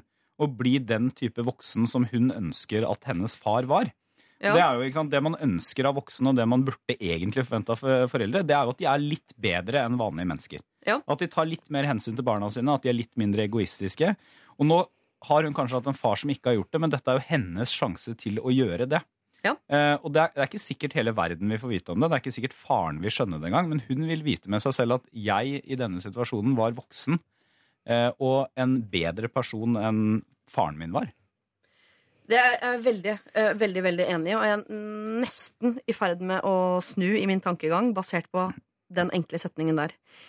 Men kan vi inngå et kompromiss uh, som er at hun sier til sin far Jeg stiller, Selvfølgelig kommer jeg i bryllupet ditt, pappa. Du skal gifte deg. Uh, du har møtt en kvinne. Bla, bla, bla. Og, og hun skal smile og ta på seg den pene kjolen og være høflig. og alt det der Men er dette også hennes mulighet til å gjøre et oppgjør med far, hvor hun sier Jeg syns ikke du har til stede for meg i mitt liv. Uh, og jeg har ikke spesielt lyst til å være mer til stede for deg nå enn enn det jeg absolutt må, nemlig som er å komme i bryllupet og Mm. oppføre meg ordentlig. Men, men hvis hun sier det, for det her begynner vi å nærme oss et bra kompromiss Hvis hun sier det først, Ja. og så sier far da Ja vel, det driter jeg i, eller et eller annet sånt, så da må hun gjøre det. Mm. Eh, men hvis han sier vet du hva, det, det vet jeg, og jeg angrer på at jeg ikke var mer til stede, eh, eller noe sånt, da kan hun jo kanskje ta det neste steget, da, så blir dette en fin forsoningsgest. Hvis han sier det i midten av OK, sorry, men gidder du å ta oppvasken? Hva gjør hun da? Da, da tar hun oppvasken. Ja. Men det er totalt innafor å si eh, Vet du hva, jeg kommer, jeg skal til meg, men det er det du får. Ja. Det er det du har gjort deg fortjent til. Jeg blir ikke holde noe tale. Eller jo, det kan jeg godt gjøre, men da får du passe på å skrive. Vær forberedt på på at det kan bli en del alkohol, og at du får høre hva jeg mener. Nei, men altså, Det er helt innafor å si nei, vet du hva, det gidder jeg ikke. Jeg skal oppføre meg ordentlig fordi jeg er oppdratt ordentlig av mora mi, pappa. Ikke deg. sant? Legg inn litt Ja, edelgalle. ja, litt sånn. Og så Små gjør hun det, da. Det, Ja. det er ikke noe problem. Men ikke bruk ord som sånn 'nei, det gidder jeg ikke', og sånn, for da blir du hun obsternasi 17-åringen uansett Nettopp. hvor gammel du er. Bare ta det på en ordentlig måte og si nettopp at 'du har ikke vært der for meg'.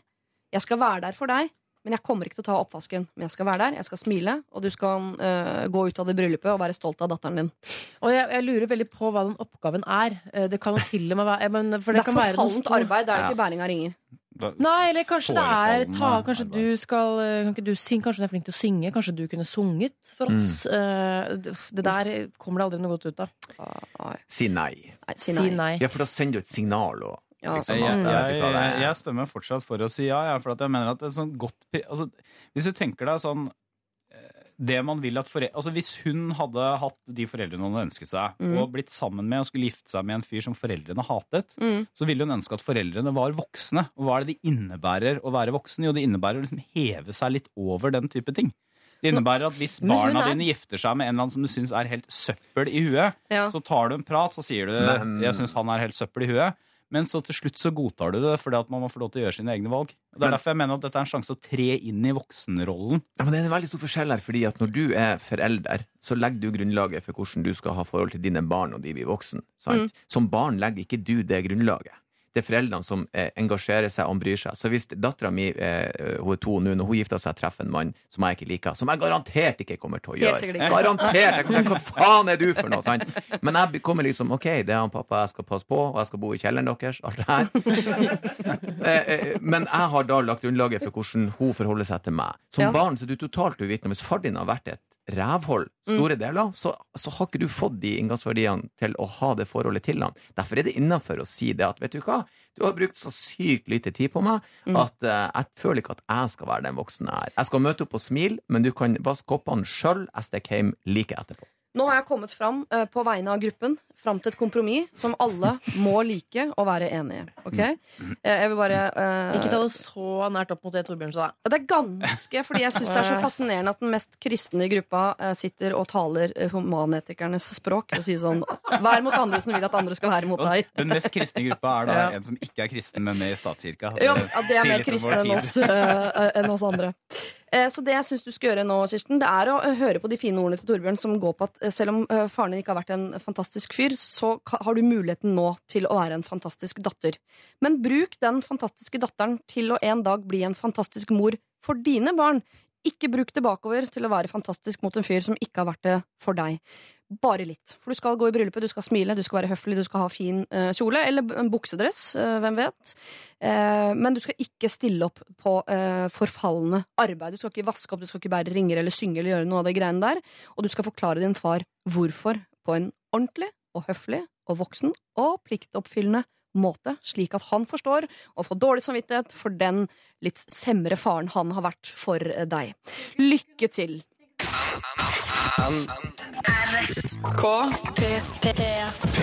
P3. Nothing But Thieves var det Trip Switch. Og beklager, uh, Live, du hadde så lyst til å si noe, uh, men låta var i gang, og vi rakk Hva er det du ville si til dette Nei, gifteproblemet? jeg bare syns du hadde en så fin oppsummering på det forrige problemet. Uh, altså det, det var så kloke ord, og det eneste jeg ønsket å si, eh, det spilte, henspilte til noe vi snakket om tidligere, nemlig kirken. Det jeg skulle si var, jeg skulle ønske de sa så kloke, kule ting i kirken. Mm. Mm. Det er jo mange som har Lørdagsrådet som sin religion. og vi skal også ha valg om to år. Eh, har dere noen gang hatt eh, kjæreste i utlandet? Har dere I- Altså mens vi bodde i Norge, eller Nei, altså møtt en på eh, Ja, ja. tur i Svaret er Ungarn, ja. liksom? Svaret er ja. Ja. Kjæreste og kjæreste, det kommer det vel an på. Ja. One night stand er Man ikke treffer kjæreste. jo mennesker, og så er man i lag i en liten ferieperiode, og så kan man dra hjem igjen. Men du har aldri tatt med deg ferien hjem? Svært sjelden. Så da har jeg ikke hatt en kjæreste i utlandet. Nei. Jeg hadde en venninne i, Nei, jeg har ikke hatt kjære... Jeg vet da søren, jeg. venninne i utlandet. Ja. Det er lett En- å bli forelska i utlandet, ikke sant? Fra Østfold. Mm. Nei da. Ja. Det er, jo bare- bare hvis man da. møter noen som eh, snakker et annet språk eh, og kommer fra et annet land, så er det annet, hvis man først da klikker, så tror jeg det føles enda mer intenst. Ja. Eh, Og man rett vet at tiden er kort. Tiden er kort, og så er det et eller annet med sånn spenningen da, at man klikker på tvers av språklige og Ja, det- kulturelle barrierer. Oh, det blir noe Romeo og Julie-aktig, Noe liksom. Romeo og Julie-aktig. Ja. Det er veldig mange som har gått på den Benidorm-smellen. En sånn greker som selger gin tonic. Og så, ah, det er så kjekk Og så ble det ikke noe mer enn den uh, gin tonicen. Jeg faller ikke for grekere, ass. Grekere er ikke min kopp med te. Sånn er det, Det var det før. Og Ja. jeg syns de er staute menn, da. Grekerne? Ja da. Ja. Hadde jeg vært dame, så hadde jeg kanskje svinga ned over Grekenland. Ja, det er Grekland, ja. ja. Nei, det, det er ikke Det har jeg faktisk tenkt på også. Så det, Nei, det er ikke min greie, faktisk. Det må jeg bare si. Men vi skal eh, hvert øyeblikk hjelpe en som jo har truffet en i utlandet. Eh, men problemet er ikke at hun vil ha han hjem, det er vel eh, snarere tvert imot. Eh, og det skal vi hjelpe til med straks, etter at vi har hørt Mumford Sons. Dette her er Believe. Dette er Er P3. Mumford Sons Believe synger de. Jeg tror, hver gang jeg hører den låta, selv om jeg nå har hørt den mange ganger og vet fint hvilken låt det er, så tenker jeg åh, Coldplay. Og så er det Mumford Sons. eh, eh, Live, Torbjørn og Erlend, dere er rådgivere i dag. Og nå skal vi altså til eh, Sydney. Grekenland ble nevnt i stad, eh, for det handler om særlighet på eh, kryss av landegrenser. Eh, dessverre går særligheten mest den ene veien. I vår var jeg tre måneder på badestudier i Sydney. Dette er studier Torbjørn Røe Isaksen elsker. Den typen studier. Det elsker han. Men la nå det ligge. Jeg kjente ingen da jeg dro, og min intensjon var å komme hjem med en dose mer selvtillit, en god opplevelse, litt brunfarge, en grei karakter i X-Fil og kanskje noen eksotiske venner i bagasjen. Det eneste mamma sa til meg før jeg dro, var ikke bad i fylla og ikke forelsk deg i en australier. Jeg badet ikke i fylla. Og jeg ble for så vidt ikke forelska heller, men jeg fant en som ble hodestups forelsket i meg. Kort fortalt var han australier, surfer, kjekk, mitt første ligg, kjempesnill, høflig, håpløs romantiker og generelt oppslukt i meg. Ikke videre min type, bortsett fra den surfegreia, men under intense forhold der nede var det hyggelig, og jeg tenkte ja ja, jeg skal jo aldri se fyren igjen allikevel. Han ville se meg hver dag, og sendte meg meldinger annenhver time. Jeg var så fullt innstilt på at jeg skulle hjem til Norge og mest sannsynlig ikke komme eh, tilbake på ganske lang tid, så for meg var dette helt fint så lenge det varte. Men eh, jeg var ikke videre hjerteknust den dagen jeg satte meg på flyet hjem til Oslo igjen. Det var derimot han. Vi snakket et par ganger på telefonen etter at jeg kom hjem, men så begynte jeg å jobbe igjen, og på grunn av tidsforskjell ble det vanskelig å svare på de tusen meldingene han sendte hver dag. Jeg sa at han måtte gi meg tid til å la alt synke inn, gi meg fred til å savne han og Australia om det var det han ønsket. Men det tok en halv dag før det kom enda en lang kjærlighetserklæring. Hvor mye han savnet meg, eh, at han skulle selge bilen sin for å reise til Norge for å besøke meg, osv. Jeg hadde sagt han helt siden jeg var i Syden at jeg ikke ville at han skulle komme til Norge, med de eksakt ordene. Men han sluttet ikke. Nå, to måneder etter, kommer det fortsatt lange meldinger om hvor mye han elsker meg og savner meg. For meg har det nå bare blitt en irritasjon, og jeg hater han for at han, eh, med maset sitt, ødelegger det fine bildet jeg hadde av han fra Australia.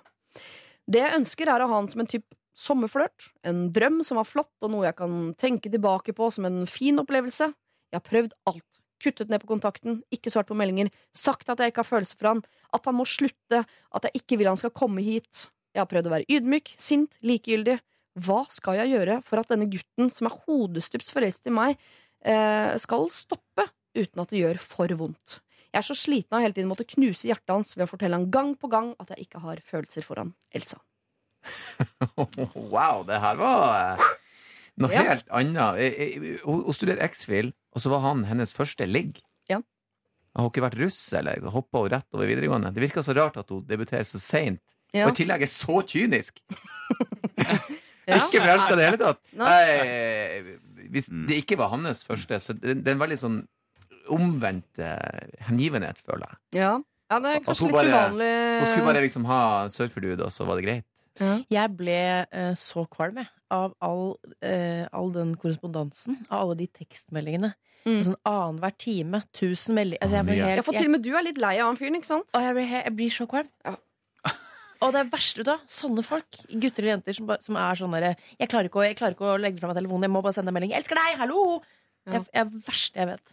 Åh, Ehm, for det første så kommer dette problemet ikke til å oppstå i fremtiden, for nå blir det slutt på sånn badestudier. Eh, det, var det, det var det politiske. Men så Stakkars fyr, tenker jeg.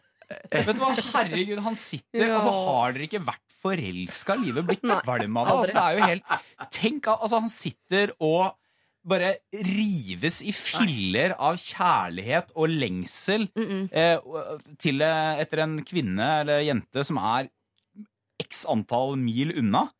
Herregud, Nei, si- stakkars fyr, altså. Han, er, uh, han var forelska, nå er han gæren. Han er gal. Splitter pine Ja, gal. Det Love makes you crazy. Nei, nei, men Dette altså, vet alle. Innleggelse, liksom. Nei, Ja. mener jeg. Det der er ikke normalt. Innleggelse?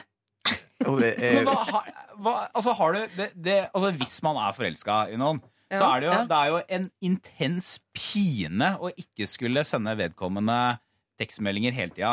Og særlig hvis man får litt sånn halv... Ja, ofte så er jo problemet hvis den andre ikke er så interessert. Dette har jeg opplevd selv også. Så får man liksom halvbekreftende meldinger, så tolker man det alltid i mest positiv eh, forstand. Ja. Det er jo grusomt. Så selv om hun svarer på hver sjette melding, så tenker jeg sånn Å, hun svarte! Ja, hun hun elsker meg litt, jeg veit det. det, det, det, det, er liksom, det er flere ting som slår meg her. Hun har helt rett instinkter, da. For det, det første ligger henne, så hun må jo sjekke ut flere filosofer. For guds skyld. Hun kan ikke være sammen med første. Det var det som skulle skje. Ikke velg Eh, Sokrates. Nei da, du tester ut hele gjengen, og så finner du favoritten. Eh, og det andre er jo at det er jo veldig enkel open shut case her. Ny e-post, nytt telefonnummer, snakkes. Altså, han er jo i Australia. Hva skal han reise opp hit på måfå? Altså Hun Hun sier til hun alle sine venner at jeg har fått ny telefon og ny mail. Og alt, man går gjennom alt det der. Det er- Grøffelmelding. Logistikken er så Det tar kort tid, da. Ja, iPhone i dag, du laster inn Ja, ja. kontaktene. Bango, så er du oppe og går igjen. Helt Null stress. Men Helt enig. Du kutter tråden. Han klarer seg. Ja. Han Altså, klarer hvis eh, Nå skjønner jeg at jeg er den eneste romantikeren i eh, forsamlingen, da. Ja. Eh, fordi hvis man skal tro på Hollywood, Mm. og det må man jo gjøre i denne miserable verden, så må vi ha noe å tro på. Så vil det være sånn at selv om hun tror at hun ikke elsker ham, så er det sånn at når han først dukker opp i Norge med surfebrettet i bagasjen, så vil hun forstå at oi, det, kanskje det var han allikevel. Men vet du hva, er du det gæren? mulig- er det mulig Er du for det? Men du står på døra med surfebrett, og er- det er han. Da er det jo i hvert fall Da kaster man jo opp. Da er det jo ringt politiet. Da er du gæren. det, det noen burde gjort med han her En, kom- en, en, en surferdude venn av han burde si sånn her Faen mann, hvis du skal dra den her dama i land Ha litt is i magen, spill litt uinteressert nå Du ødelegger det, du er for intens Damer liker ikke det, forstå det den som kan. Jeg skjønner Torbjørn, for jeg har vært med på at damer er sånn her, ja, Halvbekreftende. Og så må du ha, for da begynner et spill med en gang Og det er sånn, da må du late du er uinteressert Hva skal du i dag? Nei, jeg vet ikke, kanskje jeg skal henge med deg jenta mi Og da blir det sånn, herregud, å, han er den rette. Så noen skal gi deg han råd. Altså skal han skrive Ja. sånn, han skriver med, hvis han nå, hvis du hører meg surfer dude, send du en mail, så skriver du, jeg er ikke så keen på det likevel, jeg har fått meg nytt brett. Og, Kan du si det på australsk til han surferduden? Good her. day, Mitt. get another board, mate. Opp på bølgen igjen, sant? Men, men kan jeg bare kan jeg, uh, Dette er en liten teori fra meg. Liker hun det litt? Dette er jo litt sånn bekreftende for hennes del òg, for hun skriver sånn Jeg har prøvd alt. Jeg har prøvd, og jeg, liksom, uh, jeg er veldig lei av å måtte såre han. Altså, hvis, du, hvis du ikke vil mer, så er det én mail som er sånn Dude, it was really nice to meet you. Eh, sånn. Ferdig. Vil ikke mer. Jeg er i Norge. Det var gøy. Ha det bra. Hvis han fortsetter da å pepre henne med 1500 tekstmeldinger i timen, da er han gæren. Ja. Så har hun, har hun prøvd hardt nok? Jeg er også litt skeptisk til faktisk akkurat det. For hun Mm. sier jo blant annet at 'jeg har prøvd alt'. Jeg har kuttet ned, ned på kontakten, ikke svart meldinger. Men så har hun jo svart på noen meldinger, og Ja. så har hun eh, sendt Mm. tilbake at hun ikke Altså Så lenge hun gir han noe, selv om det er dårlig Mm. kontakt Hun har gitt han kontakt. Ja. Det er nok for en som er håpløst forelsket, til å eh, henge fast i det halmstrået. Og jeg tror bare at eh, jeg er håpløs romantiker, jeg også, så han skal ha all honnør for at han virkelig prøver. Men jeg tror det er én ting Elsa kan si til han som gjør at han kanskje slutter å prøve. Og det er at du må forklare han ikke at 'jeg liker deg ikke'. For det tenker han, jo, det gjør du åpenbart, for vi har ligget sammen, og du svarer på tekstmeldingen og sånn, så det tror jeg. Så det, det, det tror ikke han noe på, selv om hun sier det. Men du må si at 'jeg liker ikke at du kontakt... Altså, jeg likte deg, men du har ødelagt det ved å oppføre deg sånn som du gjør nå. Da tør han vel ikke å fortsette med det? Jo, men det, Da vil jo han begynne å unnskylde seg for det. Altså, for at, poenget er at det hun gjør, er jo Hun sier at Men det hun sier er at jeg kan ikke Jeg hater å knuse hjertet hans. Men det hun gjør, er at hun setter små nåler inn i hjertet hans hele tiden. Mm. Nå er det på tide å sette kniven i Ja, hjertet hans. Altså, du må bare Hvis du ikke vil, så må du bare avslutte det. Da må du gjøre det kort og brutalt. Da må du si at det var fint det vi hadde sammen. Jeg er Mm. ikke forelsket i deg. Jeg kommer ikke til å bli det. Jeg vil ikke at du skal komme til Norge. Jeg kommer ikke til å oppsøke deg hvis jeg er i Australia. Jeg kommer aldri til å svare på en e-post fra deg eller en. SMS fra deg. By the way, Det bare skjedde. Men du, jeg kjenner meg faktisk litt må, nå, nå kommer den gamle skammen tilbake. Kjenner Ja. meg litt igjen. Noen var forelska i meg, Mm. og, og, og jeg ikke tilbake. Men så syns jeg det var litt deilig med den oppmerksomheten. Men så ble jeg kvalm av å baksnakke Tande i venninnene mine og sånn. Men idet i det det slutta, så, så savna jeg det litt. Ja. For det er jo en sånn bekreftelse, og det tror jeg hun kommer til å gjøre òg. Ja, Etter men å ha satt kniven i hjertet. hvis du vet at dette ikke er mannen i ditt liv, og han, men han vil være det, så syns jeg det faktisk Det er ikke så mange sammenhenger man kan bruke det bildet, men da er det mest fair å sette kniv i hjertet. Ja. Fordi eh, Å holde han litt sånn på Mm. gress der nede og Mm. tenker at han skal selge bil og surfebrett og alt mulig, han, og bare eh, flytte til Norge og dette. Det må, det må du stoppe før det går for langt. Eller kanskje, jeg Kanskje- er helt for kniv, Men kanskje kniven kunne benyttet. Altså. anledningen til å hjelpe ham eh, på vei og si sånn um Jeg vil eh, bli sammen med deg, men da må du slutte å surfe, klippe håret og få deg en skikkelig jobb. Og så gjør han det, da. Ja, ja, men da Tenk har sånn, han er vært den ene mannen som er har villig han til å klippe håret en blitt en ærlig samfunnsborger istedenfor en surfebom. Så da har samfunnet tjent på det, i hvert fall. For verden er det veldig bra. Hun kan jo ha flaks. Kanskje han bare blir spist av hai. Det hadde vært det beste. Og så plutselig er det bare helt stille. Ja, eh, Fra tid til annen så blir de jo De blir aldri spist opp. De mister bare en arm, eller, og da blir det enda mer sånn Ja, det blir enda mer synd i han. Han mangler en skank i tillegg. Ja, og veldig upresise tekstmeldinger når du må tekste med én. Elsa, det høres ut som du rett og slett uh, må fortsette med det du allerede har gjort, bare litt hardere til verks. Du må ikke uh, kutte kontakten litt, du må kutte kontakten helt. Du må ikke si at du ikke liker han så godt. Du må si at du ikke liker han. Du må ikke si uh, 'jeg vil ikke at du skal komme til Norge'. Du må si 'du skal ikke komme til Norge'. Altså, du må bare oppgradere alt det du driver med, må du oppgradere med ca. 100% Du må bli ikke hun som er bitch bak ryggen hans. Du må bli hun som er bitch foran ansiktet hans. Rett og slett, For at han skal forstå eh, dette.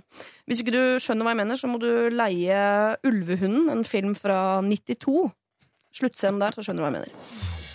Dette er Lørdagsrådet På P3. P3. Fra de fortsatt var et par, Carl Louis og Martin Daniel CLMD over dette her, Black Ice and Blue. Um, og vi skal nå inn i noe som jeg tror er kanskje det problemet folk flest har. Dette er det et av de problemene vi får absolutt mest i. Og Kviser. det er uh, Høye bensinpriser. Ja. Nei, det er det heller ikke. Uh, Erlend Osnes, har du et forslag til hva det kan være? Uh, Dyr sprit. Dyr sprit fra Erlend, Billig kviser fra bacon. Live Nelvik og bensinpriser fra Torbjørn Røe Isaksen. Nei, det er egentlig ensomhet og det å skulle få seg venner.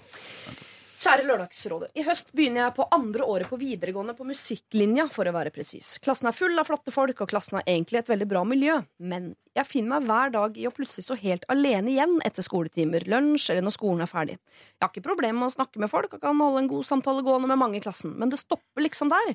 Om jeg ikke dilter etter noen, da. Da ender jeg opp med å gå alene. Og jeg vil jo ikke være en rævdilter heller. Jeg blir så frustrert og lei meg av å ikke ha noen å snakke med om annet enn skole, og ikke ha noen å være sammen med på, på og utenfor skolen. Så kjære Lørdagsrådet. Jeg lurer derfor på om dere har noen råd eller tips til hvordan jeg kan skaffe meg venner i klassen, ikke bare bekjente medelever. Med vennlig hilsen Oliver. Ekstra informasjon jeg ikke vet om er relevant. Og her kommer det altså hva som er hans hovedinstrument, hvor han bor, og setningen 'Jeg har bra kropp og får egentlig ofte høre at jeg er pen'. Det er ikke relevant, det vil jeg bare si fra om Oliver, så det tar vi ikke med nå eh, når vi går ut og gir råd. Men eh, jeg eh, har en eh, opplevelse som lignet bitte lite grann. Eh, for jeg var utvekslingsstudent i USA et år. Mm. Og da kom jeg på den eh, skolen jeg var på, og så første ukene så var det veldig eksotisk. Og det var bitte liten by med 5000 innbyggere og sånn. Men så etter hvert så dabba interessen av. Mm. Og så ble jeg egentlig ikke noe venn med de som var veldig populære, og ble, hadde et par uker ble tuslende litt sånn aleine. Var ikke noe spennende med nordmann lenger. Og det jeg måtte gjøre da, Mm. eh, og gjorde, det var å bli venn med de på skolen som ikke var noe spesielt populære. Jeg Ja. begynte i korpset. Mm. Aldri spilt i korps før. eh, Det gjorde jeg. Og så ble jeg venn med masse sånne goth-aktige folk. Eh, For Bare for at med det nydelige bildet jeg har gående i hodet mitt nå skal bli uh, komplett. Hvilket instrument spilte du? Jeg spilte sånn stortromme og sånne triangelgreier. For det var det eneste man kunne spille uten noe som helst form for kompetanse. Men, men, så, her, men det er jo litt, så hvis han er nødt til å begrense seg til klassen, så er det kanskje litt vanskelig. Mm. Men hvis han tenker litt bredere, så er det jo Må bli med nå, da. Ja. Kanskje. På Ja. fritida. Korpset på musikklinja, det, det er gøy. Det som er så fælt eh, når man er yngre, eller sånn, eh, ja, for eksempel videregående, for den saks skyld, så er man veldig sånn låst i de derre 'vi er en gjeng, dette er mine venner'. Man er ikke liksom Når man blir eldre, så er det mer sånn åpent, Ja. eh, føler jeg. Um, og så har han da havna utafor den porten, på en eller annen måte. Og jeg, det var også min første tanke. Her er jeg enig med Torbjørn. Eh, Nettopp. Melde seg, men igjen så er det litt vanskelig, for han vil veldig gjerne ha, eh, ha venner i klassen. Ja. Men å, å melde seg på noe nytt, altså Jeg tror det holder at det er på skolen, altså.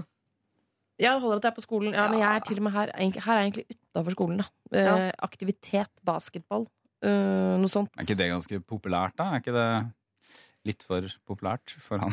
Jo, men han, det det? han vil jo ha noen å gå sammen med hjem fra skolen. så- Og kunne liksom, han vil fortsette den gode Det er god stemning i skolen. Han vil fortsette det? altså, jeg, hvor- det, er sånn, det er jo litt vanskelig, det der, for at det er jo altså, Alle sånne praktiske tips som man har hørt om, sånn Inviter klassen hjem til en fest, gjør et eller annet sånn Mm. eh, altså, all, Jeg kan ikke se for meg at det fungerer. Så hvordan blir du venn med folk? Det er veldig vanskelig å vite, egentlig. Ja, kjempe, kjempevanskelig. Jeg, jeg, jeg, åh, jeg, jeg ble litt eh, Han traff meg så i hjertet, for jeg er så, lei, jeg er så redd for å være alene. Jeg Mm. takler det ikke. Hvis ingen ser meg, så gråter jeg inni meg. Det skjer ofte. Hvis det er sånn overfladisk og alle bare går, så men, ja da, ikke gå fra meg! Så jeg ble veldig sånn men så er det noe, det er noe med det eh, Og, og det, livet sier det jo, det er en sånn periode der du er ekstra sårbar. Sant? Det er videregående, og det er sånn, ja, men hva er det? Og så har han kanskje en tendens til å se på seg sjøl. Men jeg, Oliver, du, ei det. Ta hver han fyren da, som etablerer seg utafor. Så plutselig er det sånn Hva Oliver skal? Jeg har noen folk jeg skal henge med.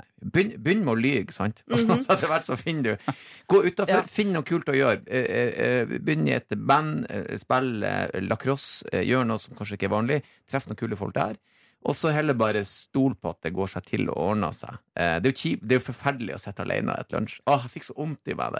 Det er svært Ja, bord, og ja. alle sitter sånn Ja, nei, jeg spiser ostehornet mitt her, jeg, liksom. Ja, Det er jo forferdelig. Ja, det er helt grusomt. forferdelig. Men jeg er litt enig med Erlend. Altså, fordi det, det, dette å skaffe seg venner er jo, kan også være litt sånn sjekkete. Akkurat som eh, når man sjekker en fyr, så kan man, kan man så sjekke opp Ja Shit, jeg er keen ja. på å bli venn med, med det mennesket der. Så kan Ja. man på en måte sjekke det opp. Eh, Da jeg sjekka opp min mann, så uh, la jeg ut Jeg løy, som du sa. Livet litt, liksom. Finn på noe litt kulere. Jeg løy. Jeg skrev på Twitter sånn woho! Eh, her. Jeg danser på blå. Wow, jeg er ute på fest på nattklubb og sånn. Og så lå jeg hjemme hos ham på senkveld. Og da visste jeg at han ble sånn derre damn it! Og så solgte seg meg i sånn uh, singel, for jeg var jo fortsatt uh, singel per def. I sånn uh, bitte liten shorts på dansegulvet. Mm. Det, det funka dritbra. Kjempelurt. Og eh, sosiale medier, ingen som kan kontrollere. Du kan skrive hva du vil på Twitter, Facebook. Altså, så i begynnelsen for han så handlet det ikke om at han skulle ha deg, men at ingen andre skulle. eh, ja. Men det er jo en måte å finne kjærlighet på. Men har du lyst til å være han som, eh, som alltid har kjæreste i en annen by? Altså han som er sånn ja, 'Du har kjæreste?' 'Jo, jeg har kjæreste når jeg besøker fetteren min på Hamar.' Jeg har en kjæreste der. Mm. Det Ikke blir ta jo det for, sånn, altså, ta det for langt. Men jeg tenker, jeg, jeg mener at man Altså, han er, jo, han er jo helt sikkert ikke den eneste på den skolen som ikke har Eller føler at han ikke har så mange venner. Nei. Eh, og da er det jo Det burde nesten vært en sånn Tinder-app for folk som vil bli venner. ja. Absolutt. Ja, altså på, på en måte. Så det, kanskje det går an å speide litt etter andre som sitter litt alene i eh, lunsjpausen. Da. Mm. Er det en mulighet? Det kan jo hende at han, at han ikke engang får være sammen med de mindre kule. Altså Goterne har stengt han ute. At han er, det er liksom siste Er, er, når ble gotere mindre kule? Nei, Det det er Jeg vet ikke. Jeg, jeg var Dungeons and Dragons-dude sjøl, så vi Du sa det jo i sted. Ja, nei, jeg tulla, jeg tulla. eh, siterer men er det ikke Nei, men sånn, han, han, jeg skjønner at det, men det er en sånn periode eh, For det jeg merka For jeg prøvde å etablere meg i en annen by som voksen. Og da er det litt den samme greia. Jeg gikk på høyskole, og du treffer folk og sier sånn, hvordan gjør jeg det her? Og jeg var veldig sånn ærlig, og jeg var veldig sånn okay, Jeg traff en fyr som jeg likte, så sa jeg jeg syns du er en kul fyr, kan ikke vi ta en kaffe eller henge ut eller gjøre noe? Men da var jo jeg 27-28, sant? og da er du ikke så bekymra. Hvis du er 15-16 år og har bra kropp, da, det skal han ha, det må han aldri glemme. og så liksom sier sånn Ja, kanskje du har lyst til å gjøre noe sammen med meg? Og så er det sånn Faen, er du helt løk? Det er ingen som liker deg. Så er det forferdelig. Altså, Ja. avslaget der kan ødelegge. Så jeg, jeg er så redd for å si noe som skal Jeg kan komme og spise lunsj i lag med deg, Oliver. Jeg kommer på mandag. Men tror dere ikke, ikke? Han sier jo at han har venner i klassen. Han har bare ikke gode venner. ikke sant? Så Det er ikke sikkert de andre på skolen tenker over hvor eh, alene Oliver er. I hvert fall ikke like mye som Oliver gjør. Så det er ikke sikkert engang vil merke hvis han er uh, litt mer på. Og kanskje Det er bare Oliver som vil tenke at han er rævdilter i begynnelsen, men at han på, han på en måte bare uh, krever sin plass i den Men- men gjengen. er at han er at han bare Fordi han sitter nå og ser på seg selv litt sånn Ja. Nå ser folk at jeg står alene. Ja. Nå ser folk at jeg går alene bort dit. Nå ser folk at jeg går alene fra skolen. Nei. De ser det de driver med, de. De ser ikke deg. Så hvis du også plutselig bare er midt i den gjengen som går Altså, du må bare Jeg tror man Men må kanskje bare han skal være en på. rævdilter? Eller er det du sier? For at det er jo ikke noe, Hvis han har venner i klassen, så virker det jo fornuftig kanskje å spørre hva, er det du, hva skal dere på fredag, eller er det noen som har lyst til å være med og se den, den filmen på kino? eller Bølgen. noe sånt? bølgen. Bølgen, Alle vil se Bølgen. Ja. Jeg syns det er et godt råd å bare eh, hive seg litt, være litt mer sånn eh, Ta litt mer tak sjøl, og bare legge litt lokk på den usikkerheten i den grad det er mulig. Og så syns jeg også det er et veldig godt råd, eh, Torbjørn, å se etter er det noen andre potensielle venner her. Fordi, og jeg vet ikke om det er eh, tilfellet for Oliver, men det er jo veldig typisk at man nettopp sikter seg inn mot de kuleste i klassen. Og det er ikke sikkert det er de folka du liker best en gang sjøl. Det er bare du har innstilt hjernen din på å jakte gull. Når kanskje det er eh, helt andre ting du burde se etter. Se om det er noen andre som sitter litt alene da etter lunsjen, eller går litt alene hjem. Kanskje det er din beste, beste venn, og det er jo mye bedre. Der har jeg endret litt syn etter at jeg ble mor, Fordi som mor er en av de største fryktene du har, er jo at barna dine skal bli ensomme. Oh, ja. Og jeg tenker sånn, heller en veldig god venn som dere har alt felles om, og om det er at dere digger planeter og dinosauruser, liksom, så kjør på, enn å være en sånn dude i en sånn gjeng som bare går rundt og snakker om tyggis. Så jeg bare uh, Men kanskje man kan se på, på videregående litt som på en arbeidsplass. Altså At det er lov å ha alle vennene sine og sitt sosiale liv utenom. Så lenge du har et godt forhold til kollegaene dine, dine Ja. medelever, så er det helt ålreit. Du trenger egentlig ikke veldig gode venner i klassen. Det er kanskje litt morsommere på klassefesten 20 år seinere, men allikevel. Ja. Ikke, livet ditt står og faller ikke på at bestekameratene eller venninnene dine er i klassen. Veldig mye av dette her blir veldig mye bedre om veldig kort tid. Det kan man jo bare Ja. trøste med, men enn så lenge prøv å finne deg liksom en alliert på skolen, som du, så du har noen å gå hjem sammen med, eller en du vet at du kan lete etter straks det ringer ut. Så du vet at der er han andre fyren, og så møtes dere og har liksom en greie gående. Eller bare være litt mer aktiv, og være litt mer uh, rævdilter uten å ha sånn rævdilterøyne som er sånn ben og sånn. Please like me-øyne. Det, det må man ikke gjøre. Bare vær til stede og lat som det er helt, helt naturlig. Dette her kommer til å ordne seg. Jeg håper det ordner seg i hvert fall, eh, Oliver. Lykke til. P3. Først og fremst Nico Vince, dette her vil jeg påstå. That's how you know, har vi altså hørt. Jeg har benyttet eh, tiden eh, den låta tok, til å legge ut eh, bilde både på Instagram og på Facebook av dagens rådgivere, som jo er Live Nelvik, Torbjørn Røe Isaksen og Erlend Osnes. Eh, er det bildet fint, da? Ja. ja! Ja da. Det er helt greit. Du kan jo gå og se på det. Jeg personlig liker jo Instagram-bildet eh, som jeg har tenkt å legge ut, veldig mye bedre enn det offisielle bildet fra dagens sending. Men det er fordi jeg er mest opptatt av at jeg skal se bra ut på bildet, og ikke gruppa som en helhet. Eh, så der kan du bare velge og vrake, eh, rett og slett, om du vil please meg, eller om du har lyst til å gi faen. De fleste gjør jo det, da. Eh, vi har flere problemer igjen. Vi er fram mot klokka tolv. Det er ikke for seint å sende inn eh, heller. Det har vi ikke får tid til i dag. Det får vi tid til neste lørdag. lralfakrøll.nrk.no er eh, vår eh, adresse. Her kommer Five Seconds of Summer. She's kind of hot. P3. Der kan vi vel trygt si at den låta er eh, ferdig. Five Seconds of Summer hørte du med She's Kind of Hot. Nå dere skal vi inn i et uh, problem som jeg håper ikke for mange av dere sier sånn Å, akkurat det har jeg også opplevd! uh, Torbjørn Røe Isaksen, Live Nelvik og Erlend Osnes. Uh, Lars Kristian her skriver. Jeg bor på landet i enebolig, og som de fleste andre menn i 20-åra ser jeg på porno fra tid til annen. Nå til problemet. Da jeg flyttet hit, sto nabohuset tomt. Innsyn var ikke et tema. Før jeg fikk hilst på mine nye naboer, var jeg på vei inn på soverommet med PC og junior i full givakt. Da ser jeg to sigarettglør i mørket der ute. Mine to nye naboer står og røyker bak uthuset sitt mot mitt soveromsvindu. Ikke det at jeg er misfornøyd med utstyret mitt, men det faktum at de fikk se den før de fikk hilst, er litt ubehagelig. Nå begynner det hele å bli rart. Det har gått to år, og jeg har fortsatt ikke hilst på naboene. Det blir jo rart å skulle klippe plen og så videre, da. Så hva syns dere? Skal jeg hilse på mine ikke fullt så nye naboer lenger, eller skal jeg bare fortsette å la det være? Jeg syns, litt ubehagelig er et understatement. Ja. Er det så, er det så ille? Nei, men Ah, det er jo gam Hvis du går med en eh, relativt stor ereksjon eh, og paraderer foran naboene dine, det er, er ikke det ganske flaut? Ja, men først og fremst, Så Gardiner, er min mann, for guds skyld. Det finnes plissé, det finnes rullegardiner, det finnes fuckings så mye varianter du bare vil ha. Du kan ikke vase rundt med åpne vinduer med han Jens i full i vakt, som du sier. Du kan til og med sote. Ja, sot vinduene. Men, men for det andre Det, det mest er, det kan du ikke gjøre. Da, da, da, Da er kommer- da burde politiet komme og arrestere Ja, da må du runke i bilen. i så fall. Men Ja, det, det er så Å elske med seg sjøl er ingen skam. Du skal ikke gjøre det foran andre, men ikke vær flau. Det, det er helt normalt. Og han mann, hvis det er et par som bor der, så vet han mannen kan snakke om. Garantert han banker han av når kona er ute, for det gjør menn. Vi slutter aldri med det. Nei. De kan kanskje bonde over det, til og med. Ser porno, sier ja, ja, har du prøvd RedTube, har du prøvd det? Ja, prøv porno. De kan finne noe bonde på. Det er ikke Ja. unormalt å banke han. Det er bare ikke gjør det foran folk. Det er Er det unormalt. et eh, uttrykk dere bruker mye i Bodø? Å bank banke han? Bank han, ja. Du banker han av. Eh, Det er et vanlig uttrykk. Eh, som, Altså, han eh, må jo si hei til en eller annen gang, liksom. Hva? Siden jeg har fått uh, rollen her som kirkens uh, talsrød, så vil jeg påpeke at i skriften så står det om Oman som lot sin sæd spille til jorden. Ja. Uh, og det er jo en synd. Å ja. Bare sånn at vi har etablert Altså, han har det. syndet. Så han har syndet, eh, og naboene har sett ham synde. Mm. Men da sier Nei, jeg som en han. eh, Det er lov å ha ereksjon. Gud er ikke imot ereksjon. Ah, det er, jeg tror det, ereksjon, er på, jeg synes er på Gud hater ereksjoner. Det er Men skilt. la den som er uten synd, Ja. eh, eventuelt ereksjon, Ja. eh, kaste den første sten, sier jeg. Ja, Så han skal kaste stein på naboen? Ikke sant? Det, det- det er derfor vi ikke går i kirken. Vi skjønner det ikke. Jeg skjønner, jeg skjønner det ikke. Orker ikke. Men dette handler jo ikke om onani eller å elske med seg selv, som Erlend så vakkert sa det. det Eller bankant, om- som. Eller bankant, som han også sa på sin utrolig vakre dialekt. Ja. Det handler jo om uh, å hilse på naboen. Ja. Rett og slett. Han har jo hilst på naboen, vil jeg si.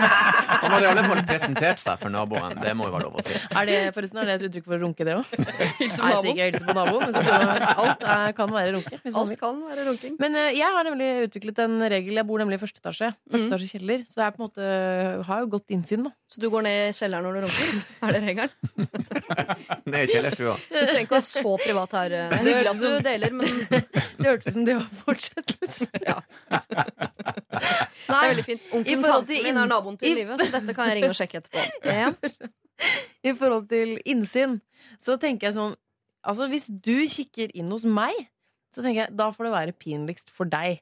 Hvis jeg på en måte eh, tusler naken opp for å hente et glass melk, eh, og du ser det fra gata klokka elleve på kvelden, tenker jeg sånn Yes, så flaut. Da må du se ned når du møter meg neste gang. Eh, Ja. Fordi jeg bor her, og jeg vil være naken.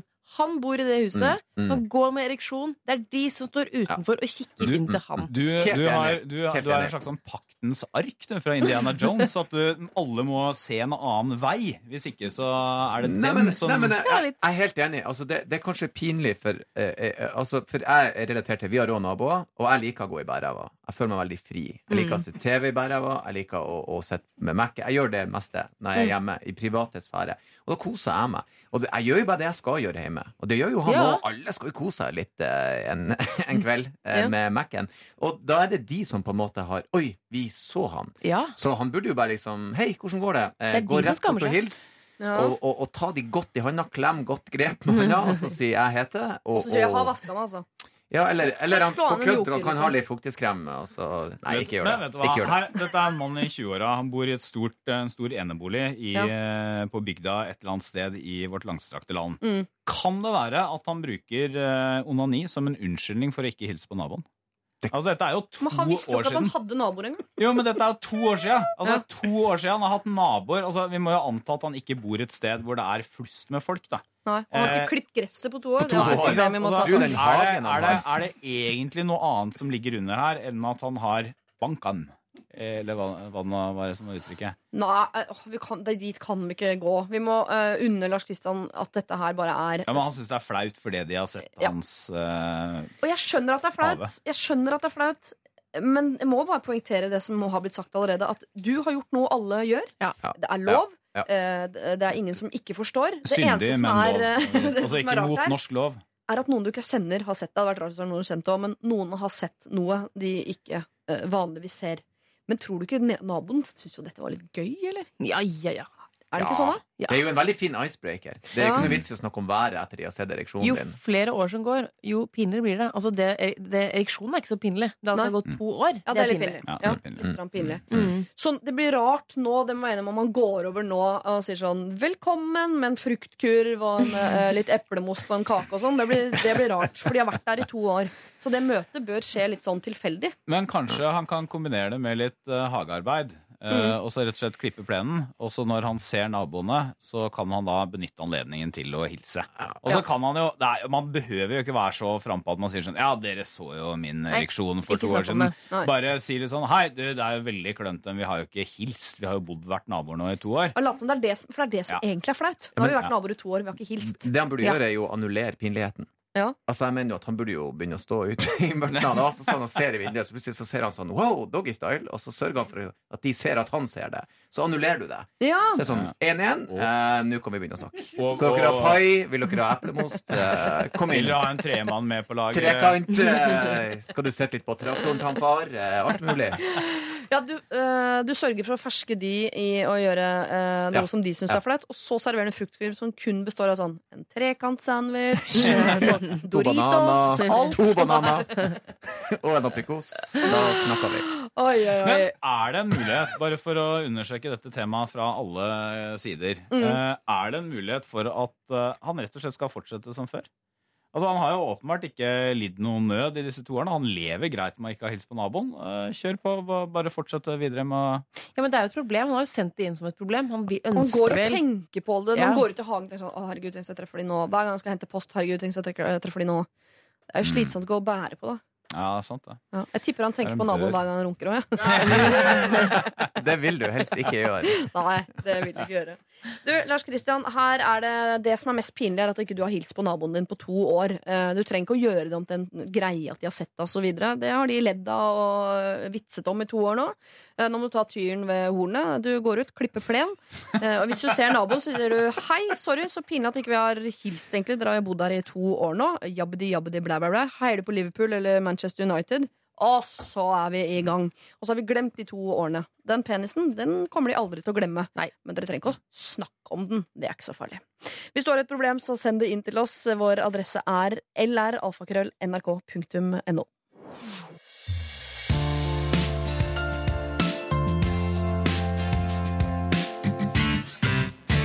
Major Lazer sammen med DJ Snake og Mø. Dette her var eh, Lean On. Som er, er det favorittlåta di, Torbjørn Røe? Ja, veldig kul. Veldig, veldig, veldig kul, ja.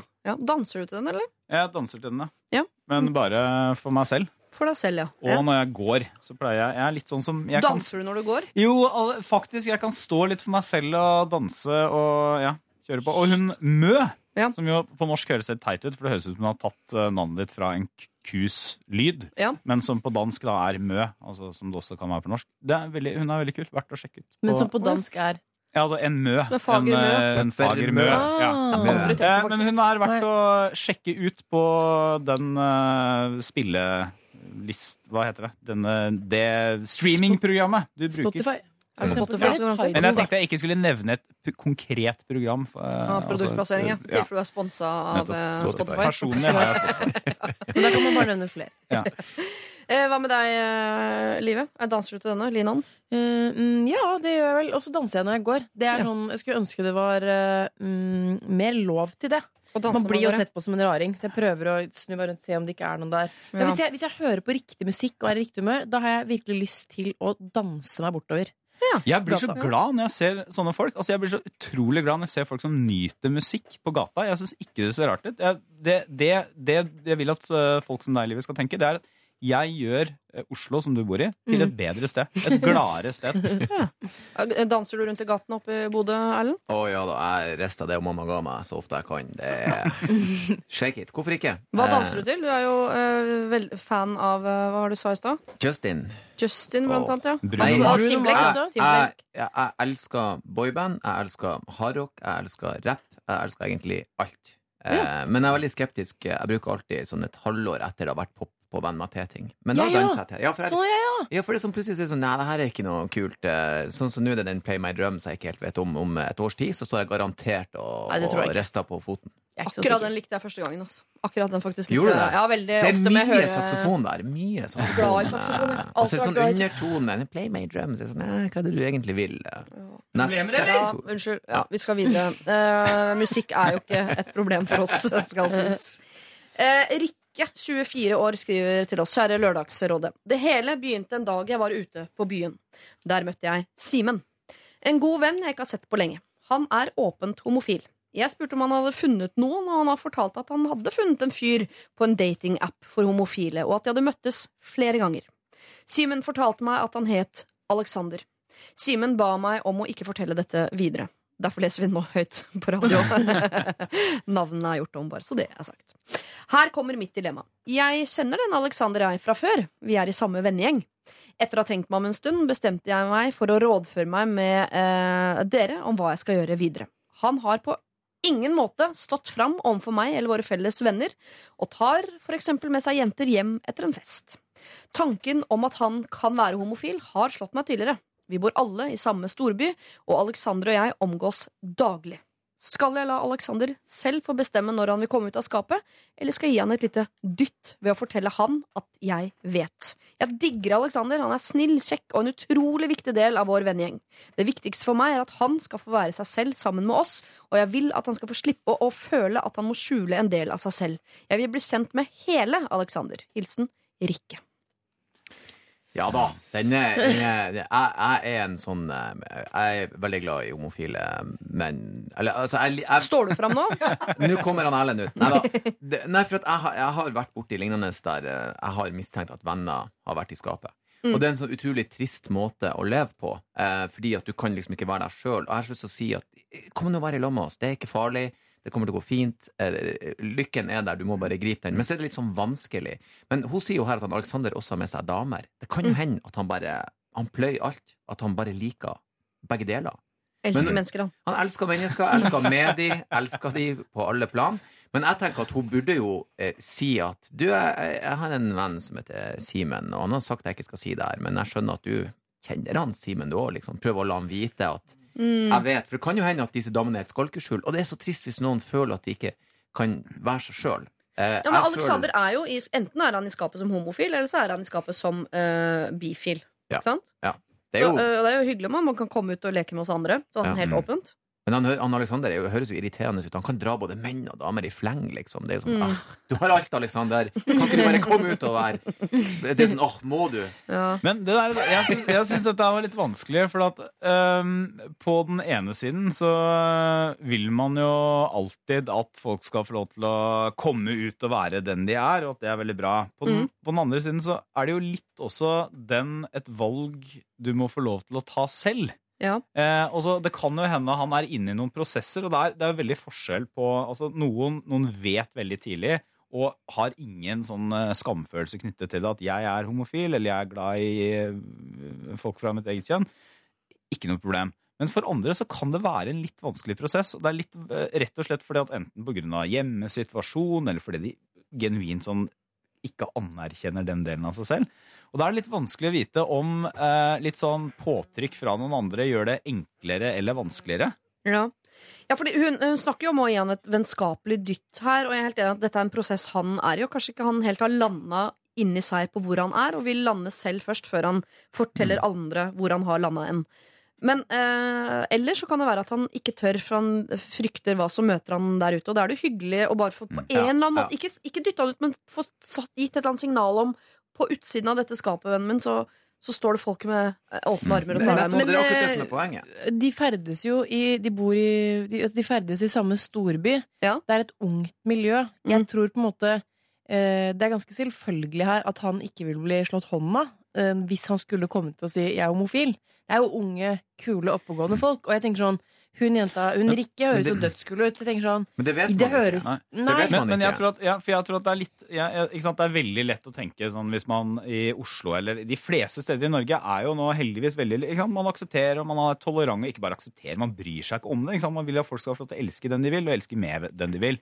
Men jeg tror ofte ikke det er det som er problemstillinga. For problemstillinga trenger ikke å være at ja, men, vennene mine er så fordomsfulle mot homofile, eller de vil slå hånda av meg, eller noe sånt. Men det kan være Kanskje de vil føle at jeg har, har holdt noe tilbake for dem, mine nærmeste venner i så mange år. Mm. Kanskje de vil eh, bli sinte på meg fordi jeg ikke fortalte det med en gang.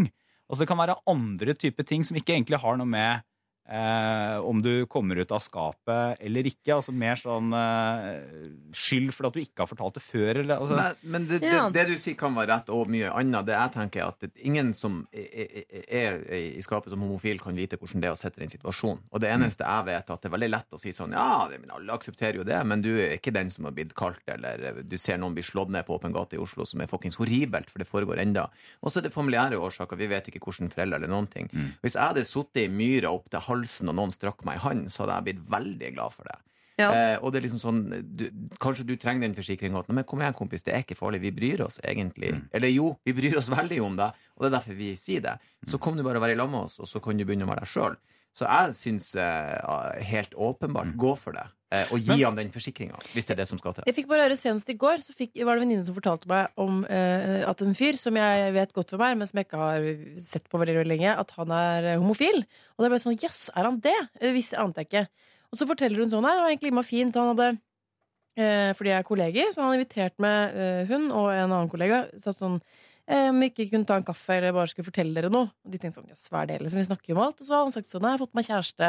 Eh, men det er en guttekjæreste. Og, og det hadde vært sånn, de hadde klemt hverandre og så hyggelig. Så jeg sånn, og han er ganske, tipper han er sånn 30 år. Eh, så han har sikkert hatt en prosess hvor han da har ønsket å kunne finne ut av det selv. Mm. Eh, teste hva er dette her for noe. Eh, bli trygg på det, for så å kunne fortelle det. Ja. Eh, så hvis noen da eh, tre år tidligere hadde kommet og sagt sånn Jeg vet, jeg, skjønner du. Eller liksom Ja. Kanskje ikke det hadde føltes så veldig godt, det heller, da. Men det er litt vanskelig, for, eh, også fordi at eh, det er jo ikke sikkert altså Det er veldig naturlig at man ønsker å gjøre det beste i den situasjonen, og det er det hun ønsker. Men hun har jo samtidig fått vite noe i fortrolighet. Ja. Eh, og det har litt å si, det også, syns jeg. At hun har, hun har snublet over dette her. Eh, men i bunn og grunn så mener jeg at er, hvis man ikke kjenner han eh, Alexander, så er det veldig, veldig vanskelig å å gi et sånn kategorisk råd, for det handler helt om hvordan hun som hans gode venn leser hans situasjon. Eh, og det er egentlig bare hun som kan bestemme om hun mener Altså Det fins ikke noen sånn oppskrift for hvordan du kommer Jo, ut av men skapet. en gjør det? ting, en ting hun kan gjøre uansett hvordan type Alexander er, og hvor han er i prosessen, og hvordan han ønsker å komme ut av skapet, og sånn, er jo i hvert fall være veldig tydelig på sin holdning til homofili på generell basis, som ikke trenger å handle om verken Simen eller Alexander eller noen, men som bare i hvert fall at Alexander selv om han antakeligvis kanskje vet det allerede, eh, virkelig eh, blir eh, gjort oppmerksom på at i denne gjengen syns vi det bare er flott, hvis noen noensinne skulle komme til, og, osv. så videre. Kanskje vi kan gå og stemme ved kirkevalget sammen? Ja, eksempel. Gjør det. Ja. Mm. Jo, bare legge ut de følerne der, i hvert fall. Sånn at de tegner opp, den, eh, tegner opp forståelsen der ute, sånn at Alexander blir veldig bevisst på det. Og så kan han selv Jeg syns også han han skal eh, Må gjerne få en hånd, men han skal få velge når han tar Mm. tak i den hånda og drar seg sjøl opp av den eh, myra som ikke veit om går til kne. Du, er det eller mulighet å bringe inn Var det Simen, mm, ikke sant? ja. Eh, som jo også hun kjenner og er hennes venn, ikke sant? Ja. Eh, er det mulig å gå via Simen og si til Simen at nå vet vi jeg dette, jeg kjenner Alexander. Tror du at du, når dere nå er en del sammen, at dere, du kan snakke litt med Alexander og si at mitt inntrykk er at den vennen Rikke og hele gjengen kommer til å være helt åpne på det, eller Nei, for de kan ikke vite at de kjenner Nei, hverandre. men Nei. kan ikke Rikke bare, øh, bare være et, øh, det bra mennesket hun er, og, og gi inntrykk av øh, all forståelse? Altså, ikke, bland, ikke bland deg i situasjonen, bare vær men- en god venn. Inviter de begge på kaffe? Nei, Altså, det Nei, nei, Så bare awkward! Gutta! Hva skjer? Oi, oi, oi, den hånda der vil vi ikke ha, altså. Eh, Rikke, du høres ut som en helt uh, fantastisk hyggelig jente, og du vil bare det beste for din uh, venn, men din venn må få lov til å bestemme selv når han kommer ut med dette her. Men det hadde vært greit om han visste at du sto der med begge armene ut og uh, klare til å ta imot. Eh, og hvordan du skal få signalisert det, det vet jeg ikke. Du får bare snakke om det på generelt grunnlag på en eller annen måte, sånn at han vet at du er der som en god venn den dagen han selv ønsker å stå frem med sin eh, legning. Vi hører Lemet, og dette her er eh, Closer. Dette er P3. Lemeter var det der, og låta Closer. Eh, Lørdagsrådet er snart ferdig. Vi skal dele ut en kopp først. Til eh, den dere mener at fortjener det mest. Jeg skal gå gjennom fra eh, topp til tå. Eh, vi startet med et Tinder-problem tidlig i dag eh, morges. To jenter hadde møtt to gutter som spilte i samme band. Eh, kan begge eh, date eh, begge, osv. Dere husker problemet, ikke sant? Ja, ja, ja, Og så har vi en hedning som hadde muligheten til å påvirke kirken, fordi han hadde fått valgkort i sin postkasse og lurte på om det var innafor at han stemte ved kirkevalget, til tross for at han jo enten ikke er medlem, eller bare ikke ønsker å være medlem av kirken. Og så har vi en uh, jente, uviss alder, som uh, nå har en far som skal gifte seg for andre gang. Uh, hun liker utgangspunktet ikke giftermålet, har tenkt til å møte opp, men han vil at hun skal hjelpe til. Det ønsker hun ikke selv. Og så har du hun jenta da, som har en fyr nede i Sydney som er så forelska at han vil selge bilen og komme oppover. og Hun tåler ikke trynet på fyren, men får tydeligvis da ikke sagt fra tydelig nok til han om det. Så har vi en ung gutt som har mange bekjente i klassen sin, men han ønsker eh, gode venner. Altså folk han kan gå hjem sammen med fra skolen og henge med utover skolen, og ikke bare snakke om skole. Så har vi han som er så uheldig å eh, ha noen naboer som på en måte fikk hilse på tissen hans eh, lenge før de fikk hilse på han. De har sett ham runke, eh, og det har gått to år, de har fortsatt ikke hilst ordentlig etter det. Eh, og så nå til sist her en jente som ønsker det beste for sin venn, som helt tydelig da eh, kanskje er homofil, eller i hvert fall bifil, holder på med noe greier som han ikke eh, har stått fram åpent med i sitt eh, vennemiljø. Hvem fortjener kopp? Jeg er ikke i tvil. Det er han uh, surferen i Australia. Jeg er helt enig. Det er, Han burde få den koppen der. det er det siste han trenger. Det er en pakke fra Norge. Altså, da kommer han. Hvis vi skriver med spørsmål Hold deg unna! Stay away. Stay away! Ja, nei. Eh, jeg syns, jeg syns jente Altså jente hvis far skal gifte seg for andre gang, jeg.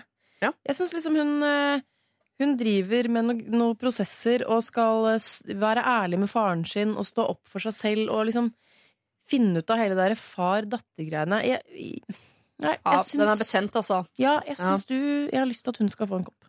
Jeg syns, uh, jeg syns vel han eh, eleven på videregående skole som var ensom. Både Ja. for at jeg tror som Vi tulla jo litt med hva vi trodde folk flest eh, hadde som sitt problem. Mm. Men det er jo sånn at eh, ensomhet er eh, et av de aller største problemene vi har. Det er utrolig mange ensomme mennesker rundt i dette landet. Og det er ikke sikkert han er så veldig ensom, men den der følelsen av at du ikke har noen gode venner og ikke noen å gå fram og tilbake til skolen med, det syns jeg fortjener en kopp. Nei, nå blir jeg døv. Jeg syns Ok, han da. eh, Ivan som skal kuppe kirka, må få en kopp kaffe. For han skal nå sitte og planlegge og få med seg folk og stemme folke, folkekirka og bare rive sund. Vi skal ha Tooji innen 2017, eh, og vi skal ha fest, vi skal ha gay parade. Og han Tooji skal bli biskop Ja, i ja, og da må du sitte og drikke kaffe på natta og jobbe masse. Så Ivan eh, trenger kaffekoppen for å legge planer for å for å- kuppe. Men har dere. I, har dere i dere å bli enige om en av de tre kandidatene som ligger Men bordet? kan jeg bare si noe sånn at ikke folk blir forvirra? Jeg tror begge, det er to sånne lister til det kirkevalget. Jeg tror begge heter noe med sånn folkekirke eller noe sånt, men det er en oh, ja. åpen folkekirke. Åpen. Ja. Greit for å rydde opp Eh, det. og den andre heter en sånn varm folkekirke eller Ikke eh, varm. De er ikke så varme Ja, som jeg skal ikke til. så Altså. Nei, jeg vil egentlig tviholde Jeg vil ha jeg vil å tviholde på vinkopp. Eh, Jeg kjenner jo når du begynner å snakke om ensomhet og sånn, så jeg, uff, ja. Ja. jeg føler meg jo litt iskald som da ikke vil gi den til ensomheten. Men jeg eh, tenker at eh, for det, eh, for det imot Jeg synes jo, Det spørs jo litt hva man skal belønne, men jeg syns man skal belønne det beste problemet som gjelder flest også. Ikke, det er ikke bare at du fortjener mest sympati. Men jeg synes det med at du ikke får deg venner, det er jo et veldig vanlig problem. Det at du skal skilte foreldre. Ja, Men ja, men det at du skal en religiøs institusjon Som ikke får gift seg i kirka pga. Ja. av sin legning! Fortjener Ja. ikke de en Jo, på men det er ikke de vi- det er ikke de vi gir koppen til. Okay. Vi gir jo ikke koppen Torbjørn er i valgkampen, altså. Han kommer ikke til å gi seg. For her, det står om liksom, eh, de neste Men to det er tre gode saker, da. Ja da. Kjærlighet, eh, kjærligheten seirer i kirken. Mm. Ensomhet eller en som har skilte foreldre og en far som ikke har vært der. Ja. Det er vanskelig å velge mellom. Det er kjempevanskelig. Jeg lurer på om jeg skal, eh, jeg skal gjøre noe som jeg vanligvis ikke gjør. Nemlig jeg skal trumfe gjennom hvem som får uh, uh, morgenens kopp. Det er første gang vi gjør det i Lørdagsrådets historie. Uh, koppen i dag går til drrrr, Ja, nå gifter pappa seg igjen, altså. Ah, Dette er Er P3. Tilbake synger han eh, Sondre Justad. Ehm, blablabla. Nei, nå, jeg har logget av hjernen. Altså, arbeidsdagen er snart over. Jeg har ikke noe mer jeg skulle ha sagt. Live Nelvik, Torbjørn Røe Isaksen og Erlend Osnes. Det har vært veldig hyggelig å ha dere på besøk. Det er dødshyggelig å være her. Takk, takk. Vil dere vite hvem som skal fylle deres sko neste uke? Ja. Anette mm. Trettebergstuen, Torbjørn Harr og Trine Lise Olsen. Oi, det er Oi. Trine Ja. Lise, vet du. Ja, ja, Det ja. ja, er jo veldig moro. ja det blir kjempefint. Det er hun Det er hun ganske hotte eh, Ja. Ja. ja, hun er vakker, ass. Shit, man. Så deilig at det, Og først og fremst det, da. Ikke sant?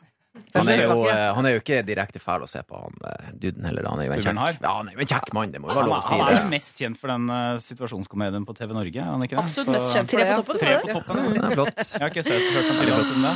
Dere har en fortreffelig lørdag videre. Lørdagsrådet er tilbake om en uh, uke. Nå straks er det lunsjkake her på eh, P3, men selvfølgelig nyheter uh, før det. Reality får det opp dit. P3. Dette er Lørdagsrådet På P3. P3.